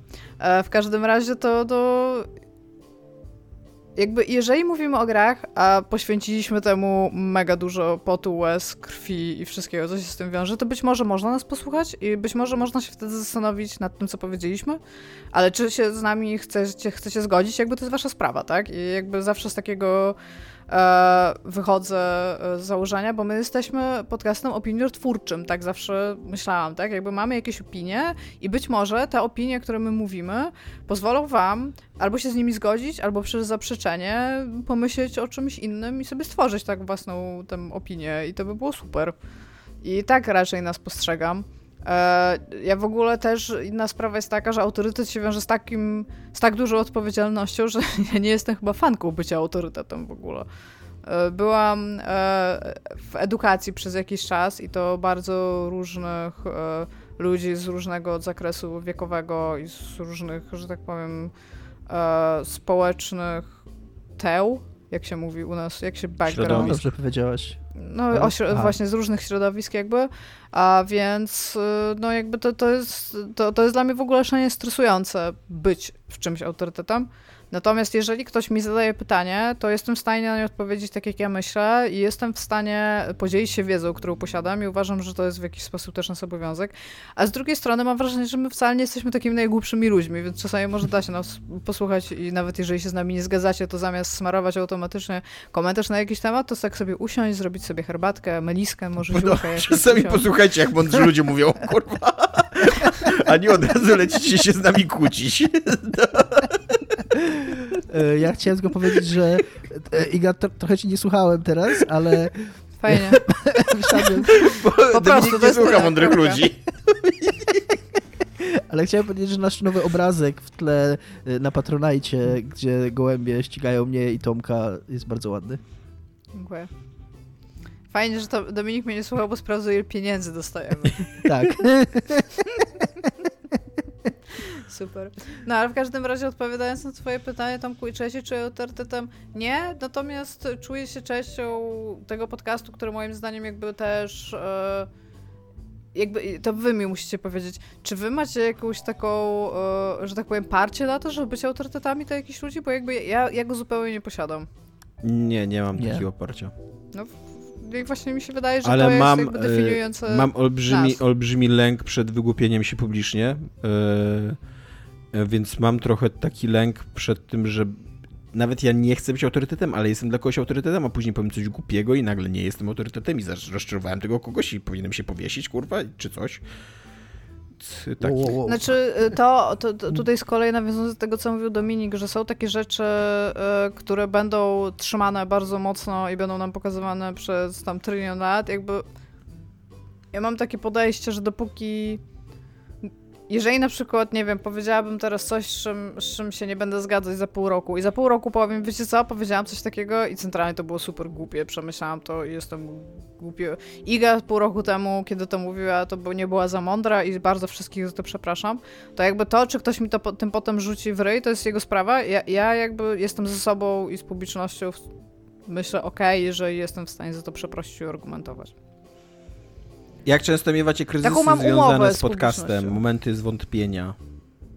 Dominik, jak często miewasz kryzysy związane z podcastem? Mm, nie miewam. Nie, naprawdę nie miewam. Znaczy, jest, jest to przyjemność raczej niż i, i jakby ten brak właśnie stresu, brak jakiegoś jakiejś zewnętrznej presji, to, że właśnie, że to jest tak naprawdę usiąście i pogadanie z fajnymi osobami, szczególnie teraz, yy, bo jeszcze być może jak były bardziej normalne czasy, kiedy nie brakowało tak tego kontaktu i, i, i kiedy, kiedy spotykaliśmy się jakby również poza y, nagrywaniem podcastu, y, to, to może... Jakby takie... Dominik miał do nas pretensje, co? To jak również poza... Sorry. To... Nie, nie, to być może wtedy mm, bywały takie dni, ale teraz to no jest to jeden z takich nielicznych momentów, kiedy mogę usiąść i pogadać z innymi ludźmi w jakimś kontekście, który nie jest pracą i, i, i o czymś, co mnie interesuje i co lubię, więc y, wydaje mi się, że staliśmy się też wszyscy w tym na tyle dobrzy i, i, i jakby i przychodzi nam to na tyle łatwo, że że, że nie. Nie wiem, czy słowo, że staliśmy się dobrzy jest dobre, ale jesteśmy na tyle płynni jakby, tak. Y, tak. No. Tak, broń Boże, żeby, broń Boże, żeby nie powiedzieć, że jesteśmy autorytetami. Ale y, jest coś takiego w tym, co powiedział Dominik, że jak myślę o tym, że w niedzielę jest nagranie, to mi tak miło, że o, będzie nagranie. No co pewnie zauważacie, bo godzinę wcześniej już jestem i do was coś piszę i już jest wszystko poustawiane i po prostu siedzę i czekam, więc no. Tak, zauważamy, zauważamy Iga. Czy ty miałaś jakiś, jakiś kryzys? Znaczy nie w ogóle znaczy, jakiś... Ja miałam, tego... ja miałam mi... znaczy ja miałam milion kryzysów związanych z tym podcastem. Ja miałam na samym początku fakt, że wiedziałam ile wy już nagrywaliście, jak dobrze wy nagrywacie i tam Jezu, ja was tylko tam ciągnę w dół i w ogóle po co jakaś baba w podcaście i bez sensu. E, potem miałam takie już bardzo, znaczy mnóstwo ich było związane takich stricte z depresyjnych, czyli ja się w ogóle do niczego nie nadaję, wszystko byłoby lepsze beze mnie, da, da, da, da, da, da i żeby się może sobie znaleźć kogoś tam e, trzeciego albo, albo nie wiem, No i yy, jakby zdarzyło się też kilka razy tak, że czułam się. I teraz nie, nie przytoczę tych sytuacji, ale wiem, że czułam się, że zawiodłam Tomka. Specyficznie wow. Tomka, że zawiodłam czymś. I tak. Okay. No i wtedy nie było tam super cool, ale tak jakby to, to minęło. Te, teraz też, no ja jestem w dużo lepszej sytuacji psychicznej, no i jakby nie było przez, przez to, w jaki sposób teraz nagrywamy, to się bardzo unormowało. W sensie, że co niedzielę wiem, że nagrywamy, wiem, że siadam tutaj, nagrywamy, widzę was, więc E, więc Jakbyś teraz jakby już Iga, nie mam, nie? Nie posiadam. Nie mogła, to byś mnie bardzo rozczarowała. Nie, bez, bez ciśnienia. O, ale... właśnie, właśnie, boję się. Myślę o tym. Więc e, tak, miałam takie kryzysy, nie, były, nie było mi wtedy łatwo, no ale starałam się w jakiś sposób coś zrobić, żeby, żeby ich nie mieć. Teraz już ich nie mam, ale też to jest wyznacznik bardzo wielu rzeczy, które u mnie w życiu się stały, że już ich teraz nie mam. A ty? Ja miałem jeden kryzys, y, o którym pewnie wszyscy pamiętacie. Znaczy wszyscy, czyli że wy dwoje, po inni nie. Bo... miałem jeden kryzys z dwa czy trzy lata temu, kiedy się czułem strasznie zmęczony i czułem, że to jest takie powtarzalne i, e, i że to jest duże obciążenie i, i, i jakoś taki byłem zniechęcony, e, ale wtedy napisałem do was maila dużego, długiego i opracowaliśmy jakiś plan zmian i wtedy trochę zmieniliśmy formułę i odświeżyliśmy to i, e, i przegadaliśmy i, i poszliśmy na obiad i napiliśmy się piwa i było fajnie i, i, i to był chyba jedyny taki kryzys, który miałem e. bo czasem mam jakieś takie małe kryzysy w stylu na przykład nagramy odcinek ja sobie myślę, że nie, nie był tu nasz najlepszy odcinek, co nie? A każdy, oczywiście, każdy kolejny musi być lepszy niż poprzedni, jakby. Ale ostatnio mieliśmy taki thing, że ja nie wiem jak wy, ale cały czas miałem wrażenie, fajnie. Tak, bo czasem też tak mamy, tak, czasem też tak mamy, że no, że tak sobie wyłączam i później myślę, okej, okay, dobra robota, co nie? Brawo Tomek, tam klepie się po pleckach. Żółwik czas wypłacić sobie 120 milionów złotych nagrody Ale e, czasem, e, czasem jak się, jak się e, znaczy wiem, wiem, że to jest o wielu, o wielu rzeczach, jak się tak weźmie i po prostu zacznie o nich myśleć, roz, roz, rozkładać się na czynniki pierwsze, to one zaczynają wyglądać dziwnie. Ale teraz wyobraźcie sobie, że jest tak, że my sobie jesteśmy tu, łączymy się ze sobą co niedzielę na, na, na, na Skype'ie czy na Mitsie, gadamy dwie godziny o gireczkach, później to wrzucamy do internetu, ktoś tego słucha, co już jest dziwne, ktoś tego, tak. ktoś tego słucha od wielu lat, co jest jeszcze dziwniejsze i ktoś jeszcze nam daje za to pieniądze, co już jest w ogóle takie, to jest już abstrakcja ja czysta dla mnie. To, to, ja ci powiem jeszcze, jeszcze wyższy aspekt. Jest taka osoba i ja na przykład z nią mieszkam i to jest w ogóle dla mnie niewyobrażalne, że jest sobie taki Tomek 2, który nas słucha i i realnie on czeka na nasze odcinki Ale... i się pyta, kiedy będzie odcinek. On chodzi za mną po domu i się pyta, kiedy będzie, będzie odcinek. I tak, e, Iwona też czas czasem słucha, więc to, znam to trochę. Może, może nie chodzi za mną i nie pyta, kiedy będzie odcinek, może nie aż tak. Ja ale... A potem jeszcze uważam... siedzi i się chichra. Ja, o, ja w ogóle, powiedzieć... ja wychodzę stąd, poczekaj Dominik, ja wychodzę stąd hmm. i Tomek się mnie pyta, jak się nagrywało i mówią mu, jak się, o czym rozmawialiśmy i że jakiś fajny dowcip był i to, po czym on tego słucha i się z tego wciąż śmieje. E, chciałbym wrócić w tym momencie do pytania o to, jak ważny jest dla nas podcast i chciałem zilustrować fakt, jak ważny podcast jest dla Igi, że jej chłopak Tomek jest oficjalnie Tomkiem 2 w jej życiu. Tak, tak jest, no. E, Dominik, co jest grane u ciebie? Powiedz. E, pożyczyłem, jak wiesz, od ciebie, a jak być może nie będą wiedzieć słuchacze Bladborna. Którego ja z kolei pożyczyłem od Iggy, więc wielki krąg Właśnie, życia. to jest mój Bladborn. Tak, tak. Ale już jest, już jest sporo temu Tomka, tam spoilers. A ja go z powrotem oddam później Idze, żeby jakby wszystko zostało tutaj tak, przepływ bo... mocy się zachował. bo skończyłem Sentineli i stwierdziłem, że zagram coś nowego, takiego, żeby, żeby też mieć coś nowego do powiedzenia w odcinku, o czym jeszcze nie mówiłem. I, Ale też Joterpek, e... popatrz. I słucham? Tak, technicznie jest to też Joterpek. E... I jak się już domyślacie po tym, jak szybko ta gra wróciła do Tomka, nie jest to moja nowa ulubiona gra. Mało tego. I teraz uwaga, uwaga, jestem. Jakby teraz chciałbym wrócić do tego, co mówiłem o byciu autorytetem. E, jakby przypomnijcie sobie, co wtedy mówiłem. To jest oczywiście tylko i wyłącznie moja opinia i wiem, że zaraz wszyscy fani Soulsów e, rozlegnie się krzyk tam wielu... Z tysiące gardeł. Ale dla mnie ta gra jest identyczna jak Soulsy. Ja brałem tego Bloodborna i spodziewałem się, że, że to jest widocznie taka w gameplayu, wizualnie, że, że to będzie taka zupełnie nowa gra dla mnie, że to będzie coś takiego świeżego, innego. Dla mnie grałem w to jakąś godzinę, może ponad godzinę i to było 100% identyko jak Soulsy i, i, pod względem grafiki, i pod względem designu, i pod względem walki i animacji. I okej, okay, nie ma tam... umie parować. Okej, okay, nie ma tam bloku. E, najmniejsze skrzypce świata. I, i, y, ale już Sekiro nie, ale właśnie Sekiro już Sekiro było... Sekiro to jest gra rytmiczna. Sekiro było ewidentnie inną grą. To było czuć, jak się grało w Sekiro, że to jest inna gra, że to nie są nowe Soulsy, a Bloodborne dla mnie to tam po prostu Soulsy kolejne i i jakby mam, miałem takie wrażenie, że już mam dosyć Soulsów w swoim życiu, że nagrałem się już Soulsy i, i nie chciałem w to grać. No i tak, nie podobało mi się to, że umieram, umieram, umieram i tam yy, powtarzam cały czas tą samą sekwencję, za stary na to jestem, nie chce mi się. Yy, więc stwierdziłem, dobra, wracam do Asasyna. Yy, włączam Asasyna, nie? Yy, no, już przyszedłeś w Valhalla w ogóle? To się nie, stało? Nie, nie, nie, nie, okay. nie, właśnie włączam Valhalla, nie? I dobra, mamy jakiegoś tam, zaczyna się quest, nie? I to w ogóle było super fajne, bo, bo mówią mi tam, pokazują, idź tam za tą wieżę, którą widzisz na horyzoncie, nie? I faktycznie nawet nie było znacznika na mapie, więc to takie fajne, więc tam mam iść, idę w kierunku tej wieży, tam wow, wow, przygoda, przygoda będzie. No i po drodze są jakieś ruiny. To jest, że, e, brzmi jak I... coś zupełnie nowego w Asynie, idź na tą wieżę jakby tam. no i, e, no ale w sensie, że tam nie do końca wiem, że tam jakiś ma być kamienioł za tą wieżą, no nieważne.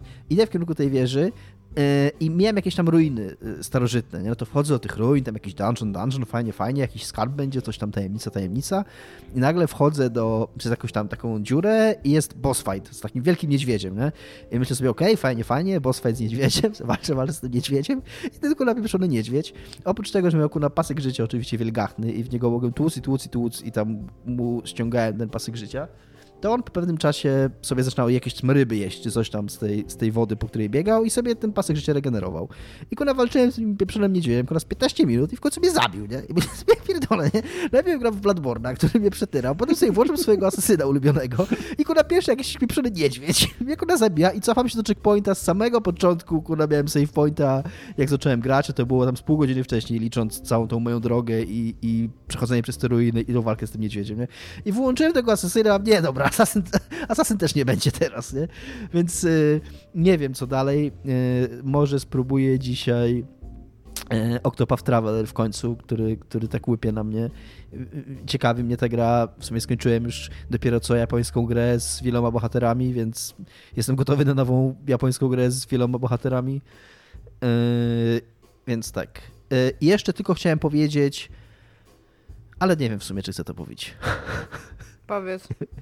To, co mu pisałem Tomkowi wczoraj a propos Sentineli, których skończyłem, że, yy, że jakkolwiek mi się super ta gra podobała, naprawdę, i, i dziękuję za nią Ale bardzo. Ale to jest super spoiler, to co ty chcesz powiedzieć. To nie ma. Właśnie postaram się to powiedzieć bez spoilerów, że yy, jakkolwiek yy, te wszystkie historie i, i, i cała ta fabułka jest super fajnie skonstruowana, i super fajne są rzeczy, które tam się dzieją, o tyle niestety y, trochę na koniec mnie emocjonalnie straciła ta gra. To znaczy intelektualnie fajna fabułka i tak dalej, ale, ale trochę zabrakło mi bez, bez wchodzenia w szczegół, no dobra, więc ciężko wytłumaczyć to jakby bez, bez wchodzenia w szczegół, ale, ale trochę, trochę mi taki byłem lekko rozczarowany po niej. Ale wciąż było to super, y, super spędzone 70 kurna godzin czyli dwa razy dłużej w to 70 niż... godzin w to wbiłeś? Jesus. Tak.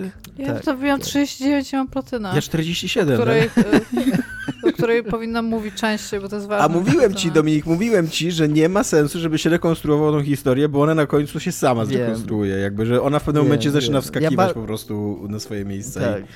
i, i, tłumaczyć się sama. Szczególnie, że cały rozdział poświęcony temu, tak. żebyś wszystko rozumiał. Byłeś z nami przez cały czas? Masz recap. No, ale tak poza tym to super giereczka i też, też taka no dosyć wyjątkowa. Inna, tak. Dosyć, to jest, to jest fajne w tej inna... giereczce, że jest inna. E, ja właśnie tutaj zaglądam do swoich notatek i się zorientowałem, że ja jeszcze nie opowiedziałem o książce, o której chciałem powiedzieć w moim Co jest grane.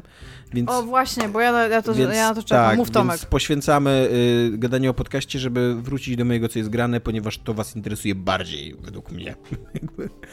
e, wow. tak. E, czytam... Tomek jest autorytetem w sprawie tego, co was interesuje. Więc... Czytam, czytam książkę 27 śmierci Tobiego Obeda, e, Joanny Gierak-Onoszko.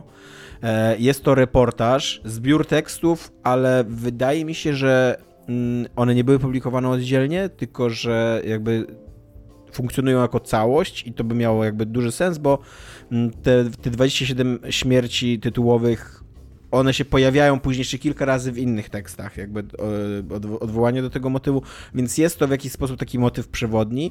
Jest to książka ogólnie o. Mm, E, Kanadzie. O Kanadzie, tak. O Kanadzie i um, native, jak powiedzieć native y, po polsku?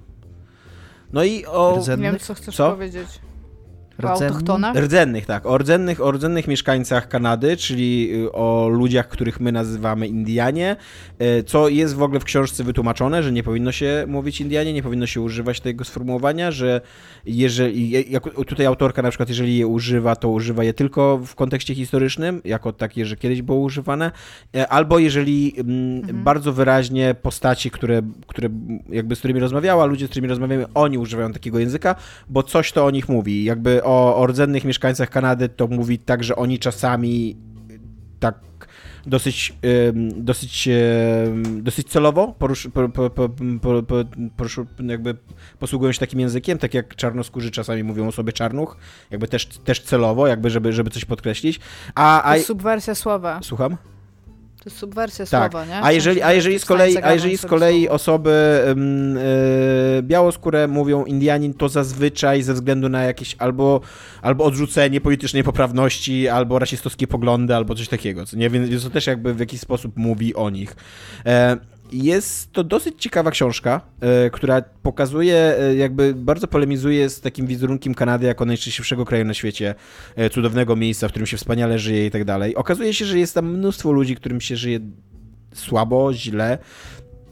Tłem, tłem tej całej historii, właśnie tej rdzennej ludności jest taki gigantyczny, ciągnący się przez dziesięciolecia skandal seksualny e, szkół prowadzonych przez, e, głównie przez katolickie organizacje, ale nie tylko przez katolickie organizacje, w których dochodziło do straszliwych rzeczy w tych szkołach. E, dzieci, dzieci były odbierane rodzicom, bo panowało takie przekonanie, że rdzenni właśnie mieszkańcy dorośli nie, nie, potrafią jakby wychować dzieci, nie potrafią się nimi zająć, więc tutaj cywilizowany człowiek musi wkroczyć i, i, i pokazać im, y, jak się wychowuje dzieci i, e, i odda- jakby siłą, siłą te dzieci były wysyłane do tych szkół. I tam się działy autentycznie straszne rzeczy, takie w ogóle no 10 na 10 w kategorii takiego okrucieństwa i, i fizycznego, i emocjonalnego, i seksualnego i to jest niesamowite w ogóle, że że cały system zbudowany właśnie na, na wyzysku, na krzywdzie i to dzieci, co nie, mógł, mógł przetrwać dziesiątki lat. E, tam wiele razy jest pokazywane, że nie jest możliwe, żeby nikt o tym nie wiedział, że to było skrzętnie ukrywane albo bagatelizowane. E, no i, i to jeszcze, jakby to, to nie jest taki najciekawszy dla mnie temat tej książki, bo, mm, bo to jest temat, który dotyczy wielu krajów. Ja kiedyś bardzo dużo czytałem o Irlandii, który, który, którego, który, który miał nie wiem, czy to nazwać problem, no tra tragedia podobna dotknęła. E, w Stanach Zjednoczonych podobnie jest, być może w Polsce było podobnie, coraz częściej się mówi o tym, co, jakby jak, jak Kościół krzywdził dzieci i, i, jak później ukrywał to krzywdzenie dzieci, więc nie, nie wiem, czy na taką skalę, ale coś podobnego być może się działo w Polsce. E, więc, więc pod tym względem jakby ta książka była dla mnie ciekawa. Ale jest y, naprawdę bardzo ciekawa ta książka pod względem właśnie takiego rozważania na temat czegoś, co można by było bardzo źle nazwać polityczną poprawnością, ale na temat właśnie takiej wrażliwości wobec mniejszości, wobec osób, które zostały skrzywdzone.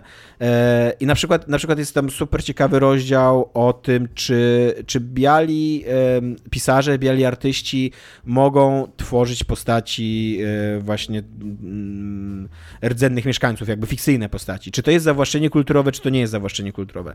E, I mm, no i jakby padają argumenty z jednej i z drugiej strony. Są też podawane przykłady takich osób, które nie chciały albo nie czuły, że postępują źle, a spotkały je za to społeczny ostracyzm i, i tam potraciły ostracyzm i potraciły stanowiska i, i, czują się dzisiaj mega skrzywdzone. Niektóre się czują mega skrzywdzone, inne, inne uważają, że okej, okay, popełniły błąd i, i, spotkały je konsekwencje za to i spoko.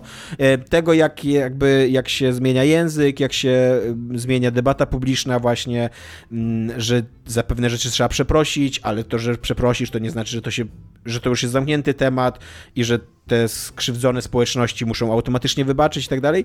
I to jest o tyle ciekawe, że my teraz żyjemy, tak jak Dominik mówił, w takich w takiej rzeczywistości debaty y, zamkniętej, że się tak wyrażę. Jest, jest debata po jednej stronie, debata po drugiej stronie i te debaty się nigdy nie spotykają e, i ludzie się napieprzają i, i, i, nie, zmieniają, nie zmieniają poglądów i nie są w ogóle otwarci. A wydaje się, że w Kanadzie e, pod rządami tego premiera Justina Trudeau, który swoją drogą też jest taką dwuznaczną postacią, bo z jednej strony jest otwartym liberałem, który właśnie próbuje w jakiś sposób zasypać te takie e, rowy pomiędzy, pomiędzy białą społecznością, nawet nie tylko białą społecznością, bo tam rowy. jest... Co?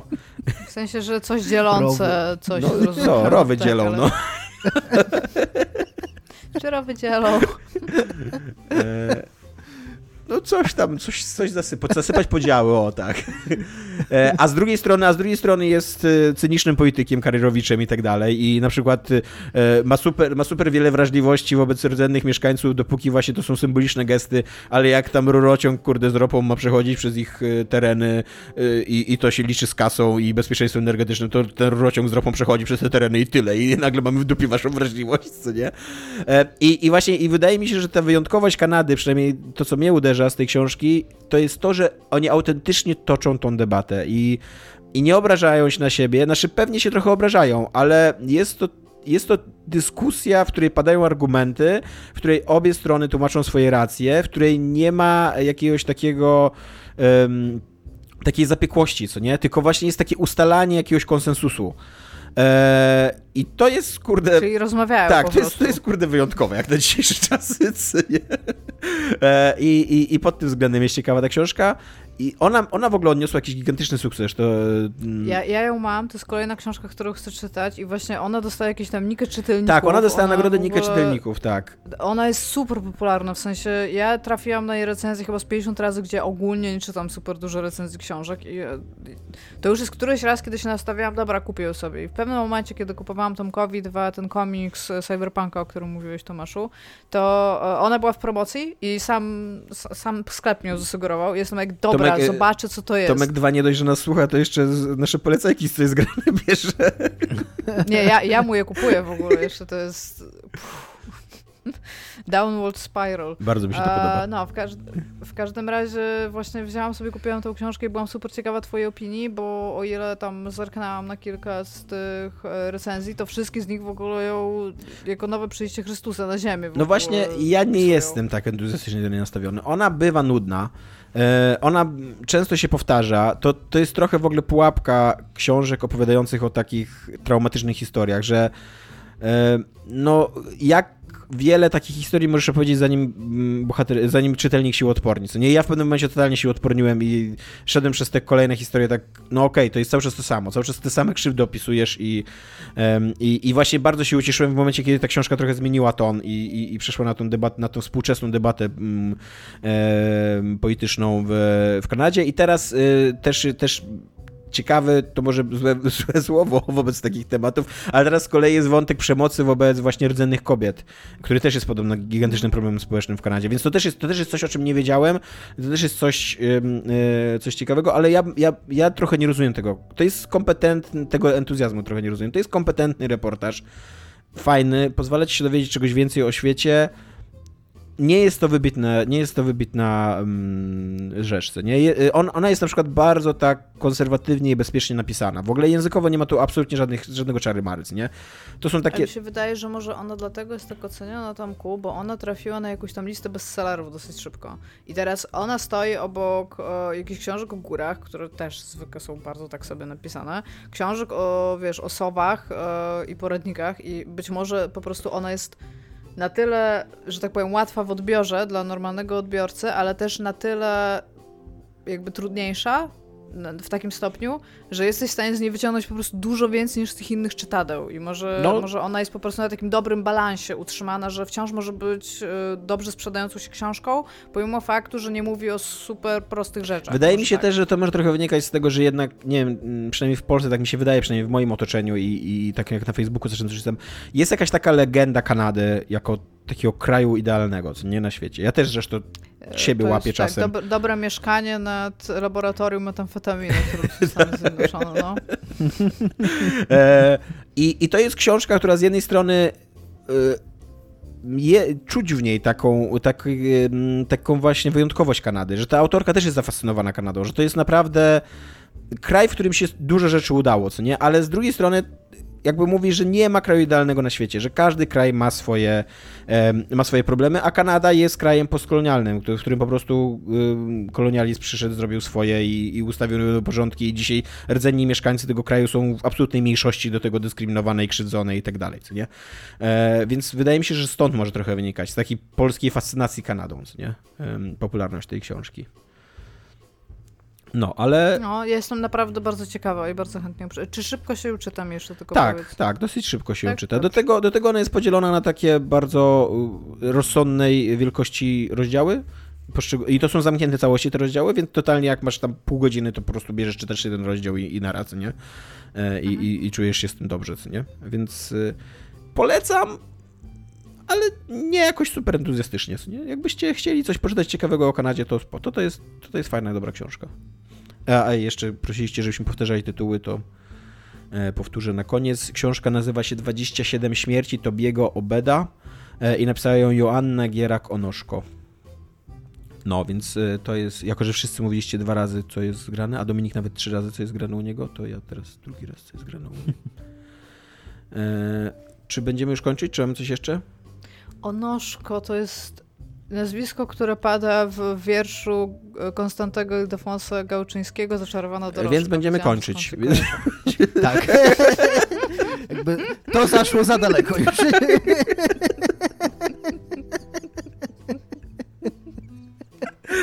E, tak. Ja rozumiem, ja rozumiem, że wpuściliśmy tutaj literaturę, ale z tą poezją. Mogę to, już jest, to już jest mogę wam opowiedzieć anegdotkę. Możesz. O poezji? Jest taki rodzaj kłamstwa, które jakby jak kogoś wkręcasz, który trochę nie ma sensu, bo jakby może tak, jeżeli ktoś nie ma wiedzy na, na, zupełnie jakiś temat i zadaje ci pytanie i ty go oszukasz, no to jakby oszukałeś go, ale czy coś z tym wygrałeś?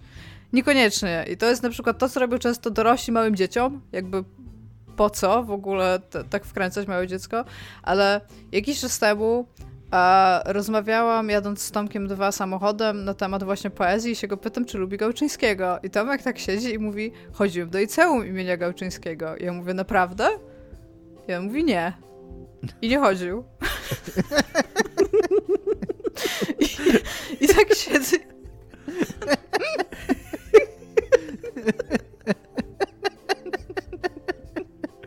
To się nadaje na terapię, tak. Jezu. Dobra. Dobra, to wszystko od nas. Tak. E, cześć, fajnie, że nas słuchacie, pomimo wszystkiego, co dzisiaj powiedzieliśmy. Dzięki za Patronite. Zobaczcie nasze nowe tło na Patronite. Tak, no, no właśnie, zobacz, może, może do czegoś was zachęci. Może... Cześć. Pa. Cześć.